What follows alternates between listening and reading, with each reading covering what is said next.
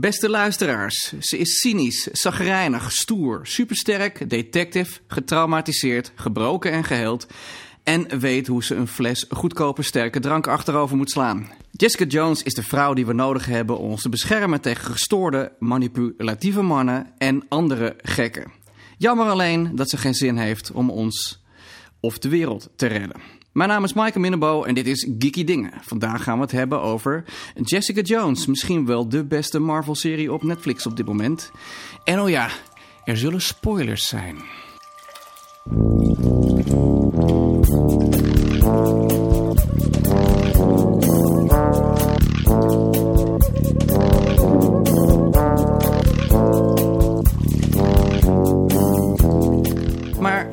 Eerst gaan we het nog even hebben over Ready Player One. Maar nu met eh, spoilers. Want eh, ja, de film is al een tijdje uit. De nieuwe Spielberg. Eh, Linda, had jij er nog iets eh, boeiends over te vertellen? Nou, we hebben natuurlijk in de vorige aflevering eh, spoilervrij besproken. Maar wat ik nog wilde, in de vorige, vorige aflevering hadden we het over nostalgie. En toen gaf ik aan dat ik al dat nostalgische gedoe een beetje vervelend vind. Maar in Ready Player One is het dus heel goed gedaan, omdat de nostalgie gerechtvaardigd is. Omdat die, die maker, dan ben ik zijn naam even kwijt, Flanagan, Flanagan. Zoiets. Eh, ehm, omdat, het, omdat het gaat over zijn levensverhaal. En om de game te winnen, moet je zijn levensverhaal kennen. En dan is het logisch dat dus al die verwijzingen naar zijn jeugd, jaren tachtig. eh, eh, en later, het bouwt ook op, want jij zei eh, er zitten ook wel verwijzingen in naar de jaren nul, maar veel minder. Hè, de meeste verwijzingen zijn toch naar zijn jeugd. Dat is dus gerechtvaardigd. En daarom vond ik Ready Player One ook zo goed. Of Ja. mede daarom. Ja, dat ben ik met je eens. En mag ik nu eindelijk wel eh, zeggen dat het om The Shining gaat? Want Ik denk dat is- dat ook in de vorige aflevering al wel duidelijk Ja, was. toen je dat zei met dat bloed, ik, denk- ik denk niet dat er toen mensen waren die The Shining niet gezien hebben en die misten. Want welke film heeft nou dat? Een bloedende lift. Nou, de lift van Dick Maas natuurlijk nog. Dat is waar. Maar ik weet niet dat Maar Spiel, ik weet niet Spielberg of die die gezien heeft eigenlijk. Misschien Down.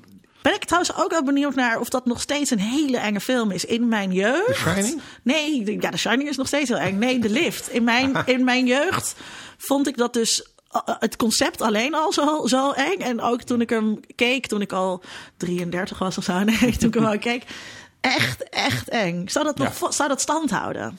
Ik denk het deels wel, maar de special effects zijn wat doorzichtiger, denk ik, voor je nu. Ja. Denk ik. Maar kijk, Dick Maas is wel van alle Nederlandse filmmakers toch wel een genrefilmer. Maar wat vond je van Prooi? Heb ik gezien. Ehm, het probleem Ik ook. met prooi is niet zozeer de digitale leeuw, eh, Mhm. denk ik. Het probleem met prooi is dat mensen dialogen moeten uitspreken eh, die niet uit te spreken zijn op een realistische wijze. Manipulatieve mannen. Ja, bijvoorbeeld. Dat is ook een moeilijk woord. en misschien ook wel een pleonasme bijna. Eh, maar dat is een ander, een andere podcast misschien. Ik ga nu wel heel erg gelijk de opzijkant op. Anyway, eh, nog iets over Ready Player One, jongens. Nog iets anders over Ehm, ik wil nog iets zeggen over het eindgevecht. En het is niet spoiler, want de goede mensen winnen, dus dat wisten we allemaal. Ehm, maar dat verveelt me meestal met eindgevechten van grote blockbusterfilms. Ehm dus het moment om op je telefoon te gaan zitten. Volgens mij zei jij dat ook al een keertje, Michael. Eh, en ik vond het bij Ready Player One zo leuk dat je in die gigantische horde dan een soort Where is Waldo-achtig ding kon doen. Dat je kon, de hele tijd bleef ik op meteen, omdat ik zat van, oh, dat is die. daar is hij. Oh, oh, dat is die. Oh, oh, wat vet. Oh, daar zit die ook. Dat Ja. vond ik heel erg leuk. En eh, de Iron Giant samen met een Gundam tegen een soort Mecha Godzilla zien vechten was gewoon echt heel erg cool. Ja. Ja, en Iron Giant sowieso heel cool. Eh een van de betere animatiefilms eh, uit de jaren 90. Ja. En in die animatiefilm, de oorspronkelijke animatiefilm, werd de stem gedaan door Vin Diesel. En die doet ook de stem in Ready Player One. Oh, dat is tof. Schiet me toch wel een vraag te binnen, want Spielberg gaat al een tijdje mee. Hebben jullie een favoriete Spielberg-flik? Absoluut. Sydney? Ja, ik mag eerst E.T. is mijn absolute favoriete Spielberg-film. ook omdat het een van mijn favoriete John Williams eh, is. En ik ben vorig jaar op bezoek geweest in het, eh, of bij het huis van eh, eh, Elliot in eh, Los Angeles. Ehm, ja, nee, E.T. Is, is, is voor mij de ultieme Spielberg-film. Ook omdat ik toen die film uitkwam ongeveer dezelfde leeftijd had als eh, Elliot. Ik heb hem ook in Amerika met mijn eh, neefje daar in de bioscoop eh, gezien. Ik heb echt volgens mij drie dagen gehuild.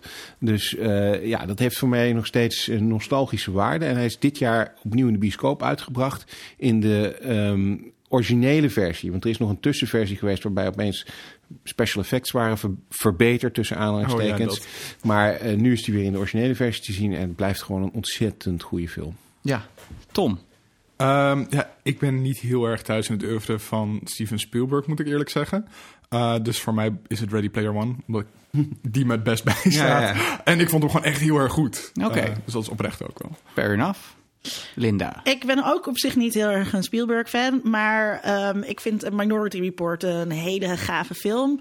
Um, uh, ook al haat ik uh, Tom Cruise, dus dat is, ook wel, dat is ook wel weer wat. Dat, dat, dat dus zelfs door Tom Cruise heen vind ik het nog steeds een hele gave film. Uh, omdat ik het een heel in dat hele uh, idee van uh, uh, profileren op daders, zeg maar, op basis van de intentie wat ze gaan doen. Dat vind ik een, een ethisch interessant iets om over na te denken. En, het, en dat hele scrollen wat ze dan doen met zo'n schermpje voor je neus. Dus ik vind dus de, de dystopie vind ik interessant op een filosofische manier. En de special effects vind ik heel vet. Ja, het is een goed verhaal. En jij? Ja, ik vind het een hele moeilijke vraag, bedenk ik me nou opeens. ik ben zelf ja. een groot uh, vroege Spielberg-fan. Uh, ik vond Duels, een ja. televisiefilm, is fantastisch. Die heb ik een tijd geleden volgens mij nog in AI gezien. Want toen was hij gere-released. En wat goed is aan Spielberg, zie je al in die film, maar ook in de Sugarland Express, is het is zo'n goed visueel verteller. En dit gaat dan over een vrachtwagen die tegen een burgerman in een rode auto vecht eigenlijk. En die vrachtwagen, dat is echt een monster. En dat komt echt tot leven.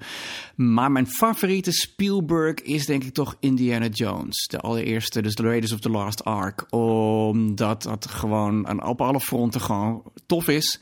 En er worden nazi's op een knar gewoon ja, ja. geslagen. En ik had een beetje een crush op Karen Allen toen. Die toen ook later in Scrooge nog zat met Bill Murray. Is dat die blonde vrouw? Nee, dat is uh, eigenlijk een beetje een atypische Hollywood-heldin. Omdat ze is knap, maar ze is een beetje girl next door knap. Mm. Om het maar even zo te zeggen. En het is een stoer, stoer wijf, als ik dat nog zo mag zeggen tegenwoordig in het politiek correcte tijdperk. Um, en dat is het, gewoon heel leuk. Een leuk, leuk mens eigenlijk ook. Straalt ze ook uit. Dus ik denk de eerste Indiana Jones toch wel. Ja. Over leuke mensen gesproken. Wat ik trouwens heel tof vond in Ready Player One is uh, uh, Lina Waithe. Uh, uh, die uh, een van de, de, die de vrienden, iemand uit de vriendengroep speelt. En Lina Waithe, we zaten toen te denken, waar kennen we haar ook weer van? Oh ja. We kennen haar van Master of None. Master of None, waarin Oh. ze uh, uh, de beste vriendin speelt van Aziz Ansari. Daar is ze ook een heel cool personage. Uh, en deze zag ik namelijk niet aankomen. Dat zeg maar achter de, een bepaalde avatar, dat zij daarachter zat. Dus dat, dat vond ik echt heel tof. Dat was ook een heel tof moment of zo. Ja. En zij is een vette, toffe actrice. Ja, ze heeft ook gewoon meerdere afleveringen van Master of None geschreven, volgens mij. Oh, echt als schrijver? Um, ja, volgens mij bijvoorbeeld die, die uitzending over hoe zij uit de kast komt tegenover haar moeder uh, is gebaseerd op een beetje haar eigen leven. En dat heeft zij daarom ook geschreven. Master of None sowieso. Uh, uh, ondanks natuurlijk Aziz Ansari's MeToo-akkefietje. Hm. sowieso de leukste comedy-serie van de afgelopen jaren. Dat is op Ja, zich wel een interessante kwestie die je daar aanroert. Want ik dacht, mag ik nou nog van eh, American Beauty genieten en andere Kevin Spacey films? Omdat ik weet, ondanks dat, kunnen, wij, kunnen we binnenkort dan weer, eh, los van dat ik het MeToo eh, niet wil bagatelliseren, kunnen we ook nog gewoon de kunstenaar en de kunst eh, weer los van elkaar zien? Want anders blijft er eigenlijk heel weinig te genieten. Want iedereen heeft wel de, eh, vieze handen op welke eh, manier dan ook. Ja, ik, ik vind, nou ja, als advocaat eh, vind ik dat natuurlijk sowieso. en in het geval van Kevin Spacey, ja, moeten we sowieso nog maar eens even afwachten wat er nou precies allemaal is gebeurd. Want er- worden van allerlei verhalen verteld, maar volgens mij weten we officieel nog steeds niet precies wat er aan de, aan de hand is. En ja, ik bedoel, het feit dat die beschuldigd wordt. ehm, dat maakt voor mij zijn films en ook zijn serie eh, ehm, eh, niet minder goed of minder interessant. Ik vind het een hele interessante, goede acteur. En dat vind ik nog steeds, ongeacht of hij nou iets verkeerds heeft eh, gedaan. Ehm, er zijn wel grenzen aan natuurlijk. Er zijn sommige acteurs of regisseurs of producers die zulke extreme dingen hebben gedaan dat je denkt, ja oké, maar nu ja, kan ik gewoon niet meer comfortabel naar die film kijken. Maar bij de gemiddelde MeToo'er, als je dat zo kan zeggen, eh, vind ik dat nog wel meevallen. Ik vind alleen dat je bij R. Kelly's muziek eh, dat dat eigenlijk niet meer kan, maar dat vond ik altijd al kutmuziek. Ja. Het was ook bedoeld voor kinderen, toch, die muziek, of niet? Het is een beetje K3-achtige gekweel. Ja, ik hoor het nog regelmatig op een studentenfeestje voorbij komen anders. Ja, dat- Nostalgische studenten wellicht. Ja, Ja, alles aan dat R. Kelly is fout met dat R. Kelly deed. Dat mensen ook hun Oh, gezicht God. gingen zwart sminken en zo. Ja. Ja. dus dat zou ik gewoon niet meer doen. Maar Woody Allen films kunnen ook nog steeds prima. Ook al doet hij het met zijn dochter. Tom, wat is jouw mening hierover als Ehm, filosoof? ja ik, ik, denk, ik denk toch wel dat we gewoon de kunst kunnen waarderen zonder de maker eh, er heel erg bij te betrekken. Ja, dat dat heb ik de zelfs. auteur doodverklaard. Ja, dat je, is al een tijdje je- terug gebeurd, ja. inderdaad. Ja, dus dan moet je dat niet weer in het zadel gaan helpen. Maar ik, ik, heb dus ik heb een enorme irritatie daarover. Dus toen ik de research aan het doen was voor, eh, voor Dolomites, mijn boek over feminisme. Toen zat ik een tijdje in zo'n eh, Facebookgroep met feministen. En die gingen dan vragen. Mag ik wel van Bukowski houden? Ook al was hij een misogynist, weet je wel? Dat ik denk, oké. Doen. Feminisme is niet, eh, is niet hetzelfde als veganisme of zo, weet je wel. Het is niet dat er allerlei levensregels zijn waar je aan moet houden. Nee, het is een perspectief op de wereld en een, en een, een manier van macht analyseren en eh, dromen over een betere wereld. Ja, dat, dat op het moment dat je zo dogmatisch ook eh, eh, daarin wordt, ja, dan ben je gewoon niet iemand waarmee ik bier wil drinken. Nou, dat is duidelijk. Wat ik, ik ben het helemaal met jullie eens. Wat ik wel moeilijk vind, is dat je soms te veel informatie hebt over iemand. Dus ook met die MeToo-affaire. Het zit toch in mijn achterhoofd terwijl ik House of Cards ga kijken of eh, Kevin Spacey zie in een eerdere rol. En ik vind dat toch jammer. Ik, ik, het mag niet in je beoordeling meegaan, maar ik vind het, soms, soms wil ik gewoon dingen niet weten of zo. Maar dat is, want kijk, in, in- bijvoorbeeld in eh, American Beauty speelt hij natuurlijk ook een viespeuk. Hmm. eh, hij geldt op het, buur, op het buurmeisje. Ja, Ehm, maar blijkbaar geldde die op de buurjongen. Ja. Eh, Stoort dat, Dat, je dat dan deed nu? de buurman in uh, Amerika. Ja. Nee, het, dat, dat, dat er een homoseksuele vibe in zit, stoort me niet. Maar het is meer gewoon bij Woody Allen ook. Dat ik, ik wil gewoon naar die film kijken. En eh, hè, ongeacht wat de man in zijn privéleven uitspookt. Ehm, maar toch is het eerste wat ik nu toch denk, misschien slijt dat. Maar dat je denkt, oh ja, dat is die gast. Ja, ik heb het ook wel met, met Louis C.K. bijvoorbeeld, Mhm. die nogal eens grapt over masturberen in, in zijn eh, voorstellingen. Dat is toch een extra maar het is ook wel een naar dat, dat, dat je dan heel erg aan herinnert aan het feit eh, dat hij gewoon wat vieze dingen gedaan heeft. Had jij dat niet ook bij- de Handmaid's Tale? eh, hebben we het daar toen over Ja, gehad? dat, eh, dat zij lid is van Scientology bedoel je? Ja. Ja, Ja, dat, dat vind, dat vind ik dan wel problematisch, omdat ik het weet. Eh, maar kan het ook wel weer redelijk snel uitzetten en dan gewoon naar de serie kijken en kijken. eh, dus gewoon een goede serie, goed gemaakt, mooi eh, geacteerd. Eh, maar ik vind dat problematisch en ik vind het bij die MeToo en, en andere dingen vooral problematisch naar de toekomst toe. Wat er al is en wat er al gemaakt is. Nou ja, ik wist het toen niet en ik hoef het ook eigenlijk niet te weten. Dat is er al en dat heeft een bepaalde kwaliteit of niet. Ik vind wel dat er best iets voor te zeggen is van... moet je met zo iemand, als dat echt vaststaat... Hè, moet je daar nou nog weer een nieuwe film mee gaan maken? Nou, daar kun je best wel bedenkingen bij hebben. Maar goed, als die film er toch al is... eh, ja, er hebben ook heel veel, dat vind ik dan met die MeToo-affaire ook weer een ding. Er hebben ook wel heel veel mensen aan meegewerkt en heel fantastisch werk aangeleverd. die niks met die hele MeToo te maken hebben. Dus dat, dan doe je hun ook tekort. En ik zou toch ook wel graag eh, eh, veroordelingen eh, of Ja, interne eerst. onderzoeken willen afwachten. Ja, maar dat is, mensen zijn natuurlijk al veroordeeld door de, door de meute en door de media. Trial by media. Ja, zoals bij Frankenstein, ze staan met fakkel, staan ze al voor de deur als er ook maar iets mislijkt, zeg maar. Dus het is, nou ja, goed. Of zoals bij Jessica Jones, dat er opeens iemand eh, in je trailer staat om je te filmen. Nou ja, bijvoorbeeld. Maar Jessica Jones gaan we het zo over ja. hebben. Is wel een leuk bruggetje is dit een bruggetje? Maar hij is iets te vroeg, want we gaan natuurlijk eerst even kijken. eh, wil ik aan van mijn medegeeks weten wat hun in de afgelopen twee weken is opgevallen. eh, qua popcultuur, trailers, series en meer. Stom. Heb jij nog iets leuks gezien? Ja, ik heb eh, op Netflix, daar hebben we het twee afleveringen terug over gehad, Annihilation gezien. Ehm, en ik was er toen een beetje chagrijnig over dat ik dat op Net- Netflix moest gaan kijken. En daar was ik inderdaad chagrijnig over. Eh, want blijkbaar doet hij in Firefox niet echt op HD spelen. Dus dat was een beetje gekut. En toen ging ik hem overdoen naar Safari. En daar kon je dan wel in HD. Maar dan waren de zwartwaren de hele tijd aan het flikkeren. Dat, was- dat was heel gek. Dus tijdens de hele film was ik heel gefrustreerd. Eh, dat ik hem aan het kijken was op die manier. Ehm, en het, was, het is wel echt een hele mooie film. Ehm, visueel dan. Eh, qua verhaal weet ik het nog niet echt. Omdat het heel veel vragen de lucht in gooit. En de laatste paar eh, zinnen in de film zijn de hele tijd I don't know. En dat is de conclusie waarmee als kijker ook achterblijft. De, de, de film doet alsof het heel veel filosofische dingen aan het doen is... en allemaal moeilijke vragen stelt en of het daarmee bezig is. Maar anders dan het stellen doet de film niet echt, helaas. En maar wat was jouw conclusie? Is het nou de echte of de, de clone die naar buiten gaat? Spoilers. Bedankt, jongens. Damn. Maar goed, ja. Oké, die vraag houden we dan nog even in het midden.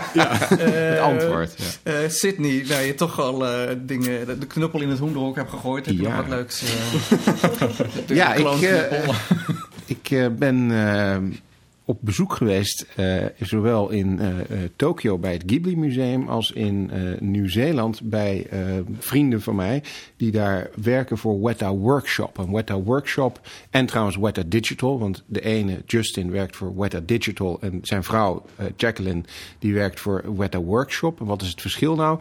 Weta Digital maakt de digitale effecten in bepaalde films, zoals The Lord of the Rings en eh The Hobbit eh, en, en dat soort films.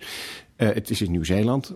En Weta Workshop, die doen de praktische effecten. En Jacqueline heeft bijvoorbeeld gewerkt aan Ghost in the Shell. En het pakje wat Scarlett Johansson dan aan heeft, dat heeft zij gemaakt.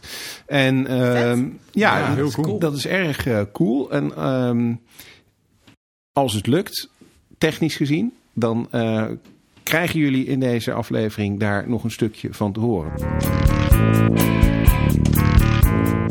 Ik zit hier eh, in Wellington met Justin van der Lek. En we zijn net eh, bij zijn werk geweest. Eh, hij werkt bij Weta, Weta Digital. En we hebben net een rondleiding gekregen in Weta Workshop. Ehm, Justin, misschien kun je onze luisteraars eh, vertellen eigenlijk wat je, wat je hier in Nieuw-Zeeland nou eigenlijk doet. Ik eh, ben een visual effects artist. En dat houdt eigenlijk in dat ik eh, digitale beelden creëer voor filmmakers en regisseurs. En ik werk bij Beta Digital, wat eigenlijk eh, Peter Jackson's eh, visual effects studio is, special effects studio. En daar werk ik aan een, ja, een groot nieuw project. Je mag niet vertellen welk project. Nee, helaas niet, nee. Nou, dat was bij de tour ook een beetje eh, soms het geval. Er staan dingen eh, waar ze nog niks over mogen zeggen. En eh, sommige dingen zijn gewoon nog ge- geheim. Ehm, kun je ons vertellen wat, wat, wat we op die tour een beetje te zien hebben gekregen? Ehm, jij hebt die tour voor mij gedaan. Dat is de, de Weather Workshop Tour. Dus mijn vrouw Jacqueline die, die werkt ook vaak voor Weather Workshop. En ehm, dat is eigenlijk de practical side van het visual effects maken. En dan hebben ze ook, eh, we hebben dan samen de Thunderbirds Tour gezien. Dat zijn allemaal miniatures. En dat is eigenlijk een beetje wat ik dan doe, alleen ik doe het dan digitaal. En miniatures zijn modellen die dan eh, oeps, eh, fysiek gebouwd worden eigenlijk. En gefilmd worden nog. En je had het al over je vrouw, eh, Jacqueline. Eh, jullie zijn samen uit Nederland eh, nou, bijna de hele wereld over gereisd om jullie passie na te leven. Ehm, voordat we nog even wat over jouw werk gaan vertellen, kun je nog iets vertellen over wat Jacqueline doet? We zagen een heel mooi prop uit Ghost in the Shell, die staat, die staat daar. Jacqueline's werk is eigenlijk best wel vrij gevarieerd. Maar als ik altijd aan haar zelf vraag van wat ze nou precies doet, dan noemt zij zichzelf een, een special effects make-up artist. En dat is over het algemeen ehm, heel veel prosthetics. Dus eh, monster make-ups, eh, props. Maar omdat diezelfde technieken toegepast worden ook op heel veel specialty costumes en props en miniatures ook.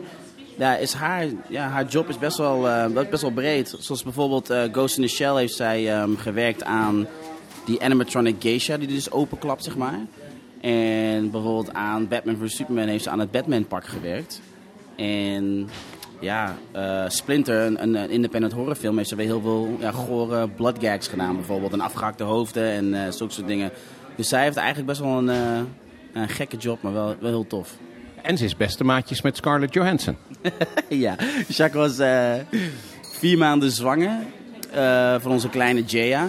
Toen waren we hier ook in Nieuw-Zeeland. En toen heeft zij ehm, ja, inderdaad op set gewerkt met, met Scarlett Johansson. En die was ook best wel ja, cool tegen haar, omdat ze ook wist dat ze zwanger was. Dus het was best wel, eh, ja, was best wel stoer. Je hebt eh, de afgelopen jaar, je, hebt natuurlijk, je werkt al jaren aan eh, allerlei films, maar het afgelopen jaar heb je aan twee van de best grossing films ooit gewerkt. Ja, ik ben, voordat ik hier naar Nieuw-Zeeland kwam om bij Weta Digital te werken, heb ik bij Marvel gewerkt in, in Los Angeles, in Burbank aan Black Panther. En daarvoor zat ik in San Francisco, even kijken, zes maanden volgens mij. En heb ik aan Last Jedi gewerkt inderdaad. Dus ik bounce best wel heen en weer van studio naar studio. Ik blijf hoofdzakelijk altijd in Californië, want dat is zeg maar waar mijn, uh, ja, waar mijn thuisbasis is, al, al bijna twaalf jaar. Maar Wellington dus, zeg maar, helemaal aan de, aan de bodem van de wereld... Uh, willen we ook nog wel eens naartoe gaan. Ook omdat Jacqueline natuurlijk samen dan bij mij kan gaan werken. Want zij werkt dan voor Wetter Workshop en ik werk dan voor Wetter Digital. Dat is best wel leuk. En het is eigenlijk thuiskomen voor jullie, want jullie hebben al eerder uh, hier in, uh, in Nieuw-Zeeland gewerkt. Dan moet ik even denken, want het is volgens mij, voor mij is dit, verdenken, de vierde keer dat ik terug ben in, uh, in Wellington en, en bij Wetter werken. En voor Jacqueline is het de vijfde keer volgens mij al. Zij is één keer meer geweest dan ik. En de allereerste, nou, het project eigenlijk waar ik de allereerste keer voor hier naartoe ben gegaan is, is Hobbit. Hobbit 2 en Hobbit 3. Ja. En um, het is moeilijk, hè? Je moet, kan nooit kiezen uit je eigen kinderen wie je de leukste vindt. Maar je hebt uh, nou ja, tientallen uh, films inmiddels gemaakt en aangewerkt. Wat, wat is jouw favoriete geweest? Voor heel veel redenen is voor mij toch wel um, Force Awakens. Star Wars Force Awakens is voor mij wel het meest bijzondere project geweest. Het is gewoon um, de reden waarom ik in film wilde werken en de reden waarom ik visual effects wilde doen was natuurlijk Star Wars. En uiteindelijk dan om aan zo'n iconic film te kunnen werken en zo'n uh, onderdeel te kunnen hebben, had ik dus nooit durven dromen. En het heeft ook gewoon heel veel. Het was heel hard werken. Het was heel, heel erg stressvol een jaar lang. Want je bent zelf natuurlijk ook een enorme geek. En je bent zelf een enorme Star Wars fan. En je wil natuurlijk niet degene zijn die dit natuurlijk uh, ja, verneukt, zeg maar. Dus ja, het was niet alleen maar de pressure van uh, het werk zelf, maar ook de pressure van de buitenkant. En ook de pressure van ja, het zelf, je eigen individuele pressure die je gaf. Maar dat was voor mij wel het meest uh, rewarding project dat ik ooit aan gewerkt heb. Dat is echt, echt geweldig. En um, voor onze luisteraars die ooit uh, de droom hebben om zelf in de filmindustrie nog iets uh, te gaan doen, kun je ze een, een, een, tip geven? De tip die ik zou geven is, wat ik heel veel zie met, met een jongere generatie mensen die graag wat zouden willen doen, is dat, en vooral met mensen uit Nederland, is dat ze zien het doel wel, maar ze zien dat er een obstakel is. En omdat er een obstakel staat, hebben ze vaak zoiets van, nou, ze zijn zo gefixeerd op, op, op dat obstakel, maar ze kunnen nooit big picture zien. Want dat obstakel kan je op een of andere manier wel omheen, of overheen, of onderdoor. En ik denk dat daar, dat is waar je je op moet focussen. En je kan niet alles in één keer doen. Je doet altijd bite-sized chunks. Dus als je een groot probleem hebt en het is te overwhelming. En wat bijvoorbeeld kan zijn van hoe kom ik in Amerika, hoe ga ik aan de slag in de filmindustrie. Dat is een heel groot intimiderend ding om te doen. Maar het belangrijkste is daarmee is om dat gewoon stap voor stap met kleine bite-sized chunks van broad to fine, dat gewoon uit te vogelen hoe dat kan. Want als ik het kan en Jacqueline kan het, dan kan iedereen het. Uh, maar je moet inderdaad uh, ja, een, een, een, uh, een, goede kijk erop hebben en niet snel ja, opgeven. Dat is eigenlijk het ding. Want als ik op had gegeven na, na twee of drie keer um, ja, de deur geweest te krijgen, zeg maar, dan had ik, had ik hier niet gezeten. Dan hadden wij hier niet gezeten, ja. samen. Nou, het continent samen, dat hadden we het net nog over. We hebben elkaar uh, volgens mij voor het eerst ontmoet in Nederland. Van Nederland hebben we elkaar ontmoet in San Francisco tijdens uh, Last Jedi. En nu uh, heel tof ben je me komen opzoeken in Wellington helemaal. Dat is echt super tof. Nou ja, het was ook heel erg gaaf. Erg bedankt Justin voor zowel de tour als dit interview. Alright. Michael, had jij iets? Ja, ik heb uh, de, de comic book serie, of zeggen dat de graphic novel serie Strangers in Paradise uh, van kaft tot kaft gelezen van Terry Moore. Dat is begonnen in de jaren 90 en eigenlijk gestopt in 2007. En het gaat over Kachu en Francine. Dat zijn twee jeugdvriendinnen, waarvan Kachu duidelijk meer wil in de relatie. En Francine heel lang, maar ik wil niet helemaal spoileren, maar die ook wel dingen voor haar voelt, maar eigenlijk heteroseksueel is. Het klinkt heel erg soapy, want er zit ook nog een groot misdadig plot in. Want de, de is er een evil twin? Nee, dat niet, maar de geschiedenis van Kachu is, is uh, nogal uh, duister. Um, maar dat is echt een van de beste stripseries ooit. En Terry Moore, zoals ik zei, die heeft het geschreven en getekend. En het zijn prachtige tekeningen ook. Ik heb het net uit en hij is nu, het mooie is, hij is begonnen aan een nieuw verhaal met deze dames. Dus het is eigenlijk gestopt in 2007, maar hij had toch nog wat lijntjes die hij graag wilde uh, afwikkelen, zeg maar. En het is gewoon puur genot voor mij als stripliefhebber om dat te lezen. Terry die geeft het zelf uit. Uh, dus dat is al heel knap. Uh, of eigenlijk zijn vrouw geeft het dan uit. Abstract Studios. En hij heeft ook Echo gedaan en uh, Rachel Rising over een meisje wat weer tot leven komt. En de vraag is dan waarom komt Rachel dan tot leven? En um, nou, het is gewoon echt een, een hele goede aanrader. Ze, hebben filmplannen. Met de regisseuse die ook de documentaire heeft gemaakt over de bedenker van Wonder Woman. James Marston heet hij, Molten Marston. En um, dat, ik weet niet of het nou doorgaat of niet, maar Terry Moore is er dus nauw bij betrokken. Ik hoop eigenlijk stiekem dat het niet doorgaat omdat die strip is zo filmisch en zit zo in mijn hoofd. Ik, uh, ik hoef die adaptatie zit ik niet echt op te wachten. Want het is echt al tof genoeg van zichzelf. En... Het is toch wel interessant hè, dat je... Uh, uh, we hadden het vorige keer over nostalgie. En er gaan ook geruchten dat de Buffy terugkomt. En ik denk ook, please, doe het niet. En toen jij me interviewde voor, voor jouw boek Mijn Vriend Spider-Man... toen vertelde ik jou juist dat ik het zo fijn vond dat Buffy zo'n prachtig einde had en gewoon klaar is. En dan ja. kan je terugkijken, hè, dat is er altijd voor je. Uh, maar het hoeft niet opnieuw op leven tot, gebracht te worden. En dus soms denk je, ook van onze dingen waar we heel erg fan van zijn, doe toch maar even niet. Nou, mm -hmm. precies. En dat is daar wel een voorbeeld van. Ja. Een ander ding wat ik heb gezien is The Man Who Stare at Goats. ja. Oh ja. Oh, die en film. prachtige film met George Clooney en Ewan McGregor. En het is, ik zag hem voor de tweede keer en uh, hij stond nu namelijk op Netflix. En het is zo'n graag. Weet je, vorige keer had ik het over Kevin Smith. Dat je denkt van dat dit gemaakt wordt en dat, mm -hmm. dat ik dit kun, kan zien. Nou, de, deze film valt ook wel in die categorie. Ja, maar dit is nog waar gebeurd ook. En het is nog waar gebeurd. Ja. ja. En uh, met Jeff Dan, uh, zeg ik dat nou goed? Met Jeff Bridges als hippie guru generaal. Of hoe je het ook wil noemen. Mm -hmm. Allitereert lekker. Ik ga er eigenlijk niks over zeggen. Je moet het ding gewoon kijken. En ik ben sowieso ik ben een zodanige George Clooney fan dat een vriend van mij, Johan en ik, hebben ooit uh, de George Clooney fanclub voor heterosexual males opgericht. Terwijl we aan het waren. Die club bestaat eigenlijk niet echt. We zijn de enige twee leden. Uh, dus ga je niet gelijk aanmelden nu naar deze uitzending.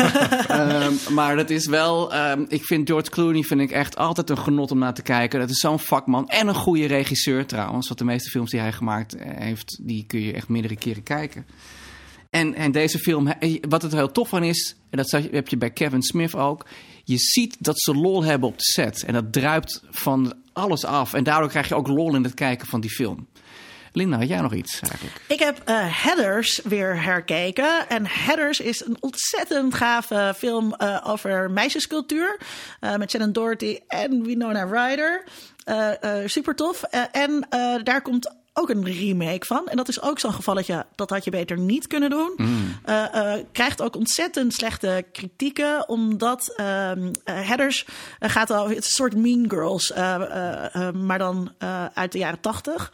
Um, heftiger ook uh, dan, uh, dan Mean Girls. En uh, met, weet je ook weer, Christian Slater. Dat is ook wel goed om te melden. Toen Christian, Christian Slater, Slater, nog kon en tof was. Oh, over knappe mannen gesproken. Maar um, in, in de, in, er komt dus nu een serie over Heathers. Waarin de populaire personen, zeg maar, die dus heel gemeen zijn tegen de rest van de leerlingen op school. Eigenlijk een soort social justice warriors zijn. Dus zij zijn dik en lesbisch. en alle dingen die, die zeg maar als um, gemarginaliseerd worden ja. gezien. Maar dat zijn dus de bullies. Uh, en daar komt heel veel kritiek op. Ik heb even niet paraat wanneer die serie gaat lopen. Volgens mij loopt die al. maar ik denk dat ik dat even oversla. Want ik moet mezelf niet te zeer pijnigen met series die ik eigenlijk niet wil kijken. Zoals daar ook zijn. Bruggetje. Jessica Jones. Daar ben ik ook veel tijd aan kwijt geweest. Ik had dat nog nooit gezien. Dus ik heb het speciaal voor deze podcast heel snel achter elkaar twee hele lange seizoenen. Jij bent fan. Oké, okay, um, ga je dan ook uitleggen aan de luisteraars... waar gaat Jessica Jones eigenlijk over? Oh god, Want je hebt, het, je hebt het heel nauw bekeken kennelijk... en je hebt er wel een mening over. Uh, uh, ja, voor de mensen die dat dus niet weten... Jessica Jones uh, is een zagrijnig uh, twintiger, denk ik. Die in New York woont. Privé-detective is, omdat ze niet met mensen om kan gaan. En graag in de schaduw staat. en weinig normen en waarden verder heeft vanwege uh, uh, nare ervaringen in haar jeugd. Haar, haar, ouders zijn om het leven gekomen en haar broertje ook bij een auto-ongeluk waar zij zichzelf de schuld van geeft. Uh, toen ging het allemaal mis met haar leven. En toen kwam ze ook nog eens een keertje een eikel tegen. een man, even voor de duidelijkheid. Ja, eh, die, eh, die, die het leven voor haar ook niet beter heeft gemaakt. Niets zit haar eh, mee. Had ik al gezegd dat ze dus altijd zagrijnig is. Oké. En, eh, eh, zo- En ze zuigt en zo leren we haar kennen. En dan duurt het een tijdje voordat je doorhebt dat ze superkrachten eh, Mhm. heeft. En die superkrachten zijn ook gewoon best wel leem. In de zin, Oh. ze is heel sterk en ze kan heel hoog springen. Onder andere, ja, of vliegen, dat wordt een beetje in het midden gelaten. Ja, het, het vliegen. Nou ja, ze, ze kan springen. eh, en het, in, eh, volgens mij is het ook in de comic zo dat ze eh, kan vliegen tussen aanhalingstekens. Namelijk vliegen door gewoon heel ver te springen. Ja, dat is dus niet vliegen. Nou, in de comic is- Kikkers kunnen niet vliegen. Eh, of ik, ga, ik zal wel even iets over de comic vertellen. Want het is natuurlijk een Marvel-serie, dus het is begonnen op papier. Eh, Jessica Jones is een creatie van Brian Michael Bendis. Dat is een van de meest prolific writers van Marvel geweest in de afgelopen 15 jaar. Wanneer heeft hij dit bedacht? In 2001 is ze voor het eerst verschenen in Alias 1. Zo heette die serie ook naar het eh, detectivebureau wat ze runt. En de tekenaar die haar bedacht heeft is Michael Gaydos. En dat moeten we wel even erbij zeggen, want eh, Kristen Ritter die lijkt best verdomd veel op Jessica Jones. Dus dat hebben ze ook nog eens een keer wel goed gecast. En zijn tekenstijl was ook heel bijzonder, toch? Ja, het is wel, het is wel bijzonder getekend, zeker. Eh, In de als- strips is ze ook zo'n magorschaminkel. Ja, daar, gaan we nu, daar ga ik nu even alles over vertellen. ik, ik heb niet gemeten hoe zwaar ze is, eh, Linda. Maar eh, ze is eh, daar ook een voormalige superheld die detective wordt. Maar in de, is in de strips, eh, eh, want meestal zijn vrouwen in strips worden, worden sexy getekend met Ja. de enige rondingen.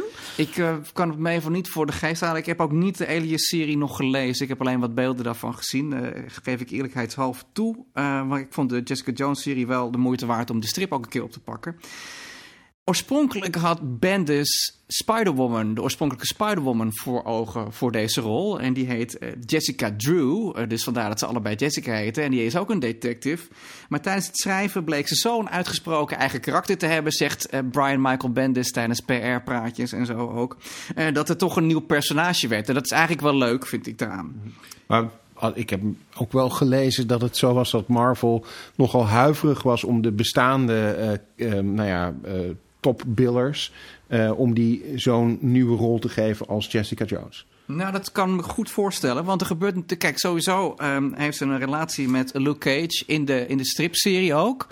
En heeft ze een dochtertje van hem ook uiteindelijk. Zoals- Trek je microfoon wat meer naar Ik trek mijn microfoon wat eh, dichter. Ja, ik zit zet hem maar op het randje van de tafel. Ik zit want- ondertussen ook mijn aantekeningen te Ja. lezen. Dus het is eventjes alles in balans. Eh, en, eh, maar wat heel anders is dan in de strip is... eh, dat, dat, dat, dat in de strips is alles veel meer verbonden met Marvel. Dus bijvoorbeeld als ze met Killgrave te maken heeft gehad in de strip... wordt ze geholpen door Jean Grey van de X-Men om haar eruit te helpen. En die komt niet voor in de tv-serie, want eh, Netflix heeft de copyright niet op de X-Men. Eh, dus, en wat mij heel erg opviel, zelfs aan het tweede seizoen van Jessica Jones... die kun je gewoon kijken naar het eerste seizoen... en dat er Defenders tussendoor is geweest of eh, Iron Fist... maakt eigenlijk geen bal uit, want er Hij, is hij geen enkele verwijst zo mogelijk referentie. minder naar de rest van de Marvel Ja. Universe dan het dan eerste ooit. seizoen. Ja, precies. Eh, in de, in, en in de strips ehm, is het ook niet zo dat ze uiteindelijk eh, Jessica Jones, als ze onder invloed is van Killgrave, hè, dan gaat ze alle hele, hele nare dingen eh, doen. En dan moet ze tegengehouden worden. En in de strips zijn het volgens mij de Avengers die haar uiteindelijk tegenhouden. Dat weet ik niet zeker. Ja. Dat heb ik, maar dat weet jij. Ja, dus dat is, ik. eh, dat is dan wel goed. Hey, eh, maar laten we het even over dan de tv-serie denken. Want dat is toch een, hè, een, een, eigen, een eigen dier, zeg maar. In Variety werd Jessica de franchise's personification of female rage genoemd. En ik denk, wauw, dat is een mooie zin. Dan laten we daar eens over beginnen. Hoe representeert Jessica dan de woede van de vrouwen, vinden jullie? Woede van de vrouw misschien. En wat is dat dan, de woede van de vrouw? Nou, eh, ik denk dat Linda daar zeker iets over moet gaan zeggen zometeen. Ik, kijk, vrouw. eh, kijk, Jessica is in ieder geval, ja, Linda zei chagrijnig. Ze, ze heeft een zekere woede in zich. En die woede die wordt, denk ik, door het verhaal wat je in het eerste seizoen vooral te zien krijgt. Het tweede seizoen gaat wel dieper op haar voorgeschiedenis in. Maar volgens mij ligt de oorsprong van die echte woede die je ziet meer in dat verhaal van het eerste seizoen, namelijk Killgrave. Eigenlijk een soort verkrachtingsverhaal. dus het, het, hele seizoen is eigenlijk een soort parallel met verkrachting. Hè, zij wordt gedwongen om dingen te doen. Ze wordt gedwongen om seks met hem te hebben. In een soort veronderstelling dat ze het eigenlijk zelf leuk vindt. Er is nog een soort gaslighting idee ook achter. Ehm, en wat dit volgens mij heel goed laat zien, is dat um, um, Jessica een, uh, als vrouw zich niet laat. Ja, niet meer laat gebruiken. Hè? Dus niet meer als een soort, soort uh, uh, speelding van, van mannen gezien wil worden, zoals ze dat dan was voor, voor Kilgrave. Maar heel duidelijk en daar zit misschien dan die woede in. En het is misschien ook wel weer raar dat we dat dan meteen zien als woede van, van vrouwen. Maar heel duidelijk zegt van ik ben mezelf en ik doe wat ik uh, wil. En uh, uh, nou, zo zijn volgens mij eigenlijk alle vrouwen in Jessica Jones een beetje ingesteld van luister eens, ik ben als vrouw ben ik mezelf. En ja, mannen zijn leuk en daar kan ik hele goede seks mee hebben. Maar ik, ik word niet gedefinieerd als vrouw door wat een man van mij uh, vindt. Vrijgevochten is misschien beter dan woedend. Ja, ik, ik zie inderdaad die woede bij haar uh, niet zo. Ja, ze is eerder nihilistisch. Dat is, dat is, het, dat is het meer. Ja, dus ze, is, ze wordt ook eigenlijk nooit uh, heel boos. Ze is alleen maar annoyed over, over dingen. Dat, dus ze, ze, ze heeft eerder geen emoties, behalve dan zagrijnigheid. Als dat een emotie is, dan dat ze een heel emotioneel uh, persoon is. En dat wordt denk ik wel gecontrasteerd met andere personages die dat, die dat wel -hmm. hebben. Zoals maar Trish. Ja. Zoals Trish, ja. Die, ja. Heeft, die, is, die is eigenlijk, uh, die heeft uh, vanuit jouw perspectief gezien, denk ik dan, omdat jij Jessica Jones niet zo leuk vindt. Trish heeft, laat meer kanten zien van zichzelf, zeg maar. Ja, ik vind, ik vind uh, Trish toch denk ik wel het allerergste aan deze, aan, deze serie. Oh, echt een ongeloofwaardig personage ook. ik, ik kan me niet voorstellen dat er vrouwen zijn die zich daarmee vereenzelvigen of identificeren of denken dit is een leuk iemand. Wat maakt haar ongeloofwaardig dan? De, de, keuzes zeg maar, die ze maakt. Bijvoorbeeld dat contact wat ze nog steeds met haar, met haar moeder uh, houdt. Uh, ze wordt heel erg als een kind neergezet. Ik weet niet of dat nou ligt in, in hoe de schrijvers haar geschreven hebben of aan die actrice. dat, ik ken die, die actrice verder niet, dus ik vind het moeilijk om haar te beoordelen. maar dus wordt heel kinderlijk neergezet. En dat is natuurlijk iets wat vaker bij vrouwen wordt gedaan. Uh, dus zij, zij, zij is ook, ja, ze, ze is een slachtoffer. Ze maakt verkeerde keuzes en ze reageert eigenlijk vooral. Terwijl Jessica is wel iemand die agency heeft. Hè? Die heeft handelingsbekwaamheid. Die, die, die neemt het roer in handen. En, en Trish doet dat eigenlijk uh, nergens. Ja, nou, het tweede seizoen wel. Dus zoekt ze heel erg naar, uh, naar, dat, naar haar identiteit. En naar, dat ze denkt, ik moet ook een held zijn. Dus Trish is heel erg zoekende in het tweede seizoen. Maar, ja, maar, als, we... maar daar is ze nog steeds slachtoffer. Dus ze, ze, ze uh, dus die, die, eerdere drugsverslaving, uh, uh, die komt dan weer terug. En ik vind dus niet dat, dat zij dan, zij, dat lijkt dan alsof zij ook zoekt naar, ook naar superpowers. Dat vind ik dus helemaal niet goed, goed uit de verf mm -hmm. Maar ik vind het wel interessant, hè, want je bent, bent daar kritisch op. En ook kritisch op dat je zegt van nou, ik vraag me af of er vrouwen zijn die zich daarmee identificeren. Um, Jessica Jones wordt gemaakt door vrouwen. Ja, uh, het tweede seizoen is heel veel geschreven en, en, door meest, meestal door vrouwen. Ja, ja het tweede ook. seizoen is alles geregisseerd, ook door, door vrouwen. Ja. Bij Fox News werken ook vrouwen.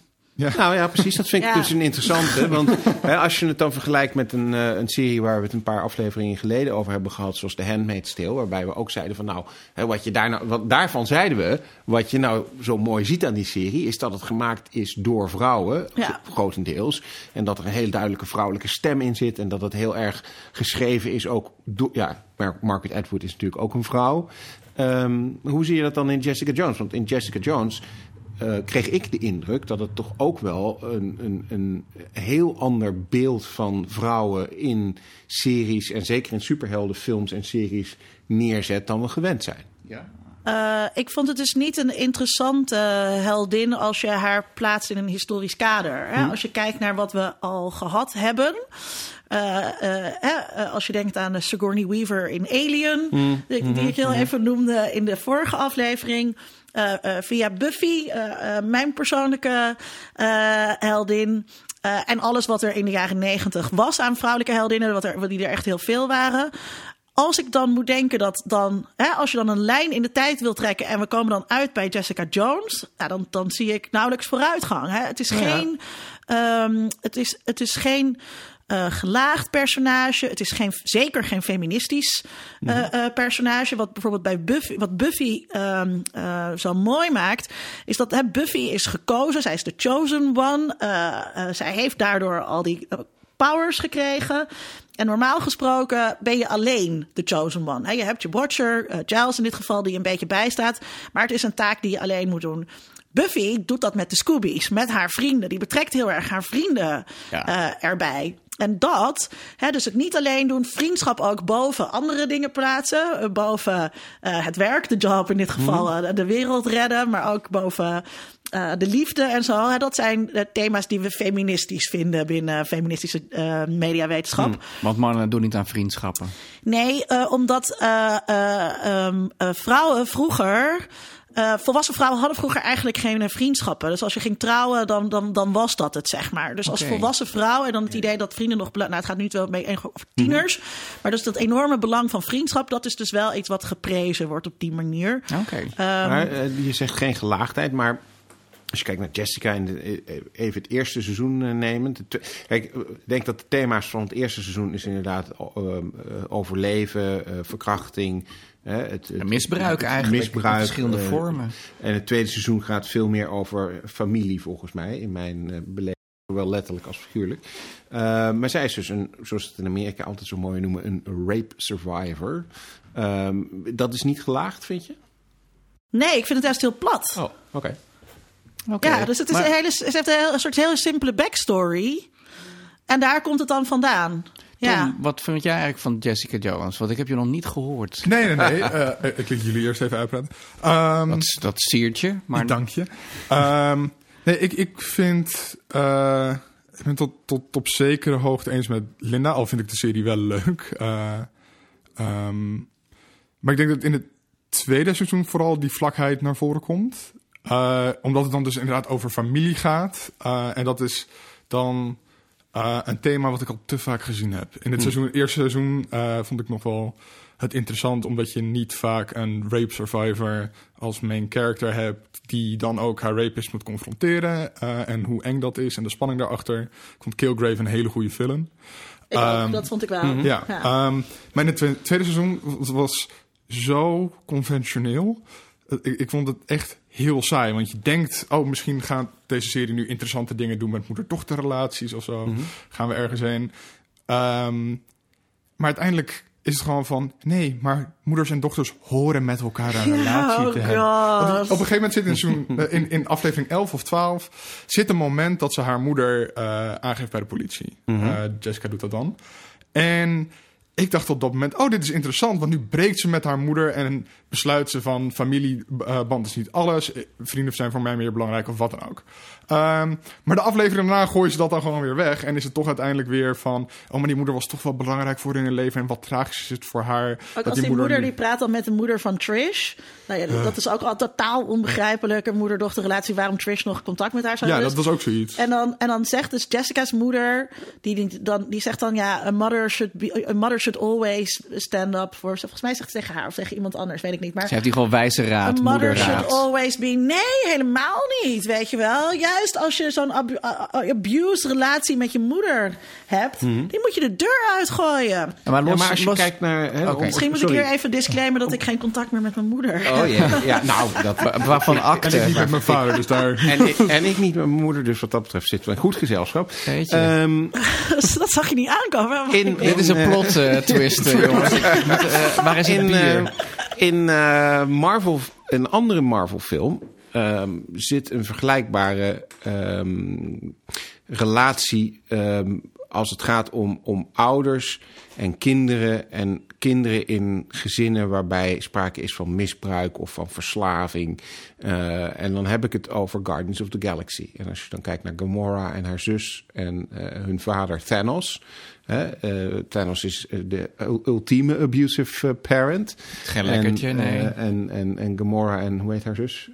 nou ja, in ieder geval haar zus, uh, hebben duidelijk een hele moeizame relatie met elkaar. Maar uiteindelijk, en dat is zeker in Guardians 2, Guardians 2 ook net als Jessica Jones seizoen 2 draait om familie hè, en familierelaties.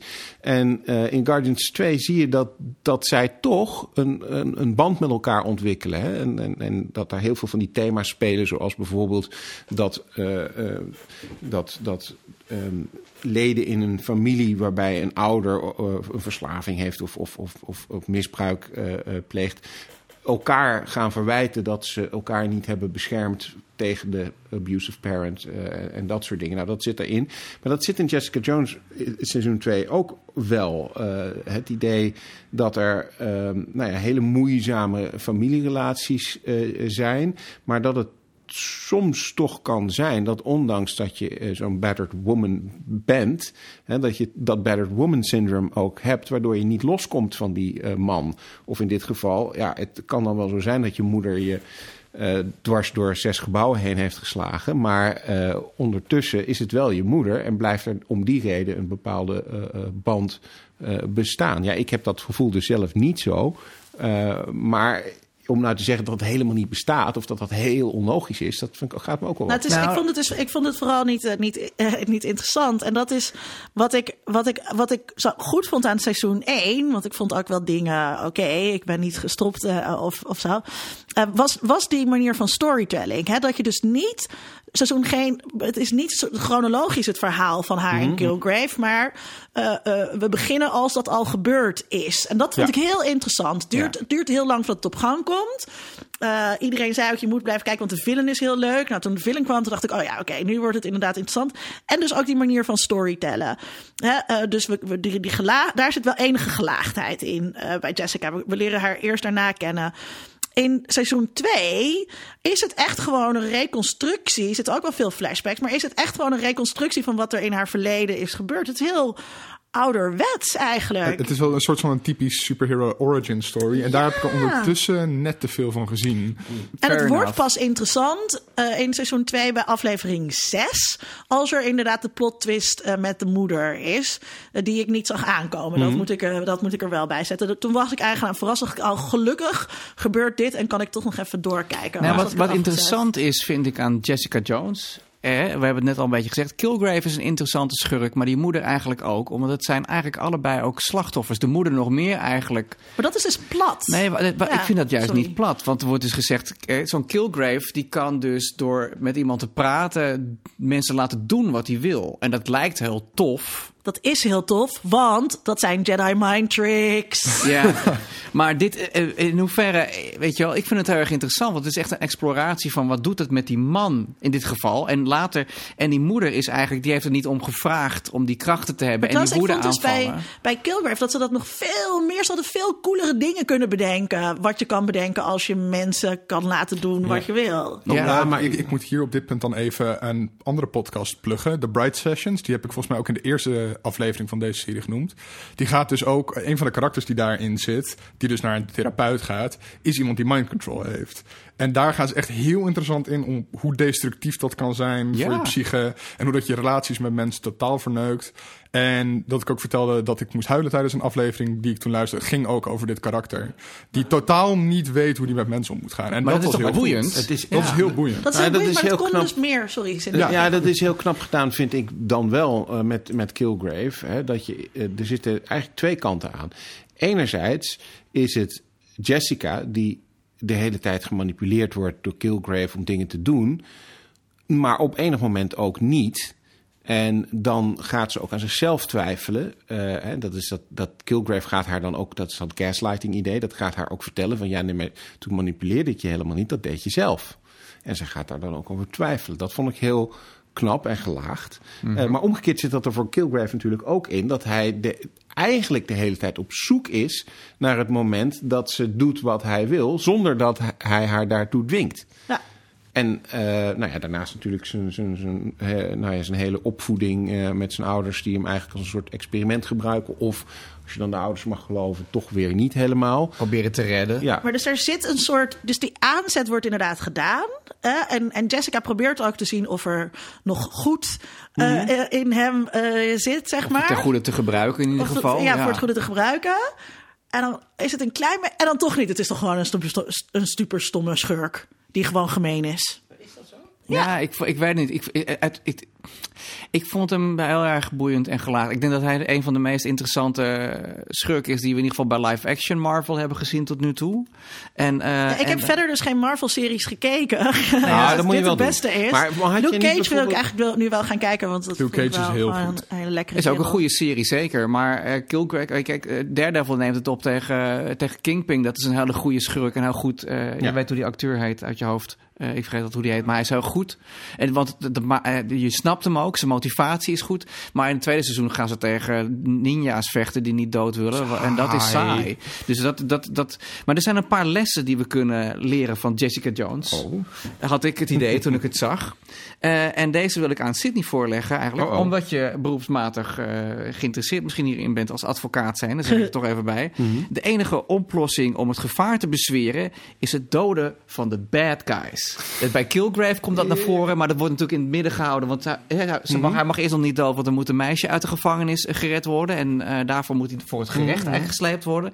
En de tweede vraag is inderdaad, ga ik mijn moeder vermoorden in het tweede seizoen? Want ze is levensgevaarlijk.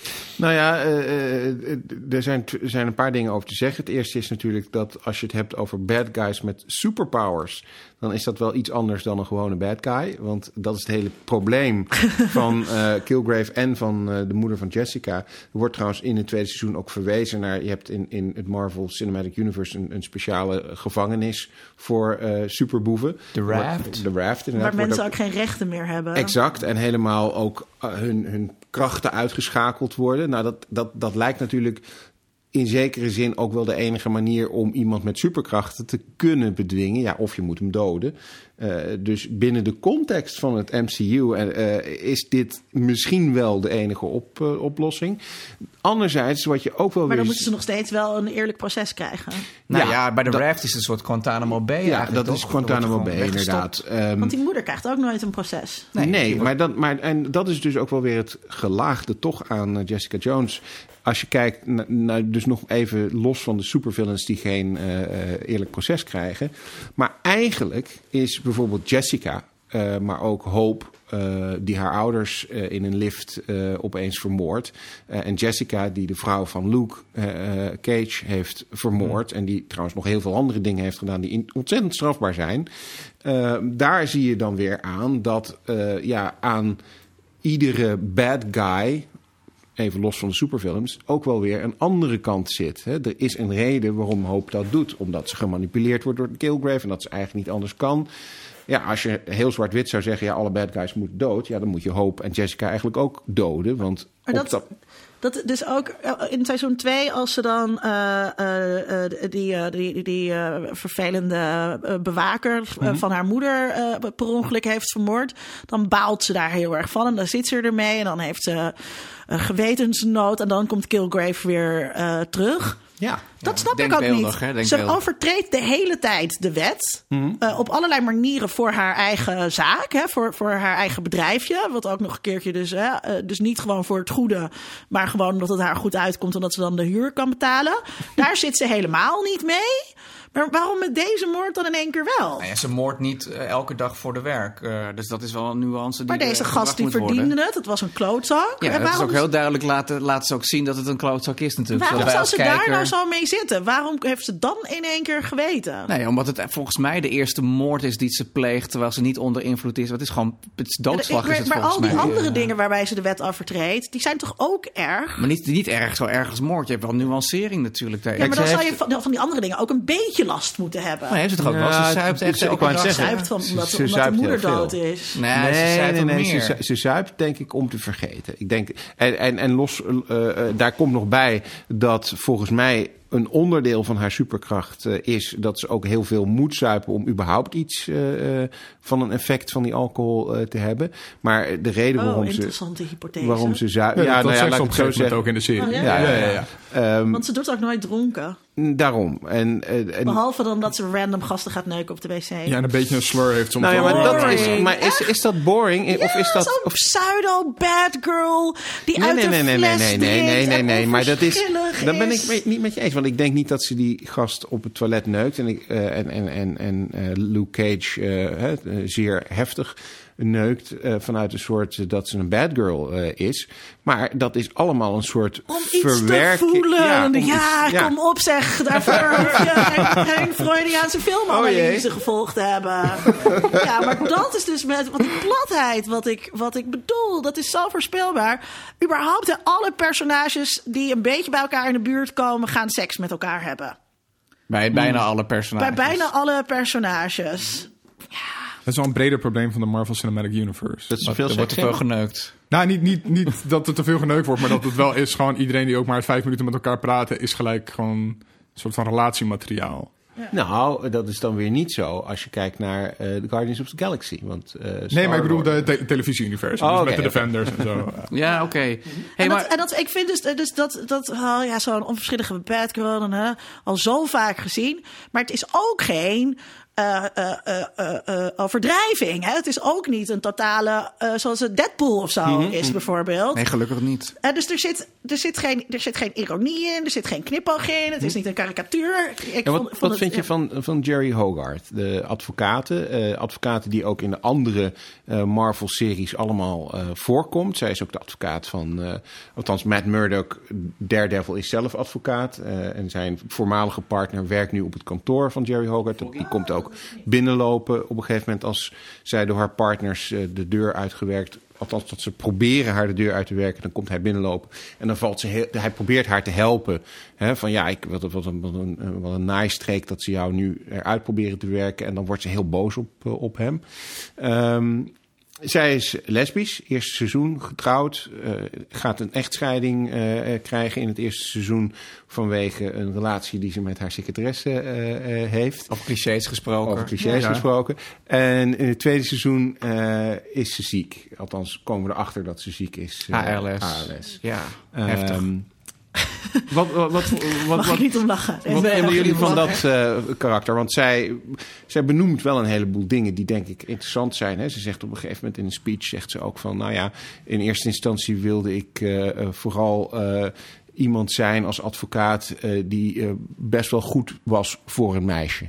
En nu wil ik gewoon echt de allerbeste zijn. En nu sta ik hier als een zelfverzekerde vrouw... die dan vervolgens nou ja, bestolen wordt door iemand eh, eh, die ze in huis eh, haalt. Vond ik een prettig moment. ja? Waarom? Ja, ik vond haar ook niet. ik vond het echt heel saai. Eh, eh, eh, sorry, ik vind die actrice... Het komt grotendeels door die actrice. Carrie Ann Moss. Carrie Ann Carrie Moss. Moss, The Matrix. Eh, eh, eh, ik haat haar al vanaf haar rol in Oh. Models Inc. Dat Oké. was in 1994. Toen dacht ik... Het is al langdurig Waarom. Dat is bijna even lang als mijn waarom leven. speel jij met dit hoofd een topmodel? Dat is ook niet... Nou, nou, nou, nou, nou. correct zeggen? Jongen, jongen, jongen, Ik jongen. ben wel de Michael Middenbal van deze aflevering. Ik dacht weer de Johan Derksen. maar goed. Ja, precies. Dat, eh, en het is nooit meer goed gekomen na die ondraaglijke sterfscène in The Matrix. Eh, aardig weetje trouwens. Ze speelde in 1993, dus nog voordat Matrix uitkwam, een rol in de tv-serie Matrix. Oh ja. Die gaat over een underworld hitman, Steven Matrix. Nooit gezien, maar ik vond het wel een aardig weetje over Carrie Ann Moss. Ja, ik vind haar dus... ehm eh, of eh, Jerry, dus het, het, het personage... ehm, eh, eh, is, zij is ook een soort van villain, hè? dus dat, eh, dat belooft al wat. En dan krijgt ze dus ook in seizoen 2, dan moet ze die ziekte, dus dat moet haar dan een beetje menselijk maken. Nou, ik vond het er een wat bij mij beetje. Ik vond het raar. Ik dacht, ik, ik, vond het een beetje. Nou, Ja. Uiteindelijk wordt het wel verklaard waarom het in het verhaal zit. Zodat ze bestolen kan worden en bla bla bla. Dat ze een karakterontwikkeling doormaakt. Maar ik dacht, waarom ALS? Dat vind ik nogal heftig. En dat, ehm, ik, ik, denk, ik, ik vraag me altijd af als het met representaties, hoe zit dat dan? Wat zit daarachter? Heeft er iemand gelobbyd? Dat moet dan deze ziekte zijn. Jij denkt dat, dat, de, dat de Amerikaanse stichting tegen ALS gewoon Ja. wat geld betaald heeft aan de makers. Geef haar ALS. Ik denk dat dat, want het had allerlei ziektes kunnen zijn. Dus waarom specifiek deze? En is Omdat nog- er, er moet dan geen medicijn voor zijn. Ja, dat is, een, dat is een reden, dat kan Ja, zijn. Maar, maar ik, ik, artsen in Europa hebben die dan geen alternatieve behandeling? Ja, ik vond het, wat ik, wat Maar ik wat wel- vonden jullie daarvan? Nou, nee, nee, nee. Dat Eh, ging niet. Nee, even de artsen in Europa. Dat ging niet over een alternatieve behandeling. Dat ging over eh, de mogelijkheden van euthanasie. En Oh, dat speelt oh. natuurlijk eh, op dit moment heel actueel met eh, de Oh, dat heb ik helemaal verkeerd Verkeerd Laatste Wil. Hè, is er Ja. niet een product te krijgen in Europa waardoor ik zelf een einde aan mijn leven kan maken? Want ik wil niet eh, hulpbehoevend worden. Ik wil niet, zoals mijn vader, zegt zij dan, eh, uiteindelijk een vreselijke laatste tijd eh, doormaken. Nou, dus daar, daar ging dat, eh, dat om. Wat wel interessant was, vond, eh, of interessant wat ik, wat ik een beetje opmerkelijk vond, was dat in eh, de Defenders, daar zit Sigourney Weaver eh, in. En Sigourney Weaver is dan een sterke vrouw die ook nog weliswaar op een iets oudere, knappere versie van Jerry Hogarth eh, eh, lijkt. Maar die ook nog eens een keer een ongeneeslijke ziekte heeft. Ook geval zijn wel kanker. gewoon verhaallijntjes aan het recyclen. Daar lijkt het een beetje op. Dat Ja. vond ik heel, heel opmerkelijk. Ja, ik, ja, ik, ik, goed punt. ja ik, ik vond haar karakter... Ik ik vond het op zich wel goed om haar soort van kwetsbaar te laten voelen. Omdat ze dus die sterke vrouw is die niks kan overkomen. Maar dat hebben we ook al een keer in het seizoen 1 gehad. Dat alles in haar gezicht explodeert en dat ze zich Mhm. daaruit moet eh, werken. En om dat dan nog een keertje te doen... En ze eh, werkt zich eruit omdat ze een plat personage is dat eigenlijk gewoon slecht is. ehm, ja, en...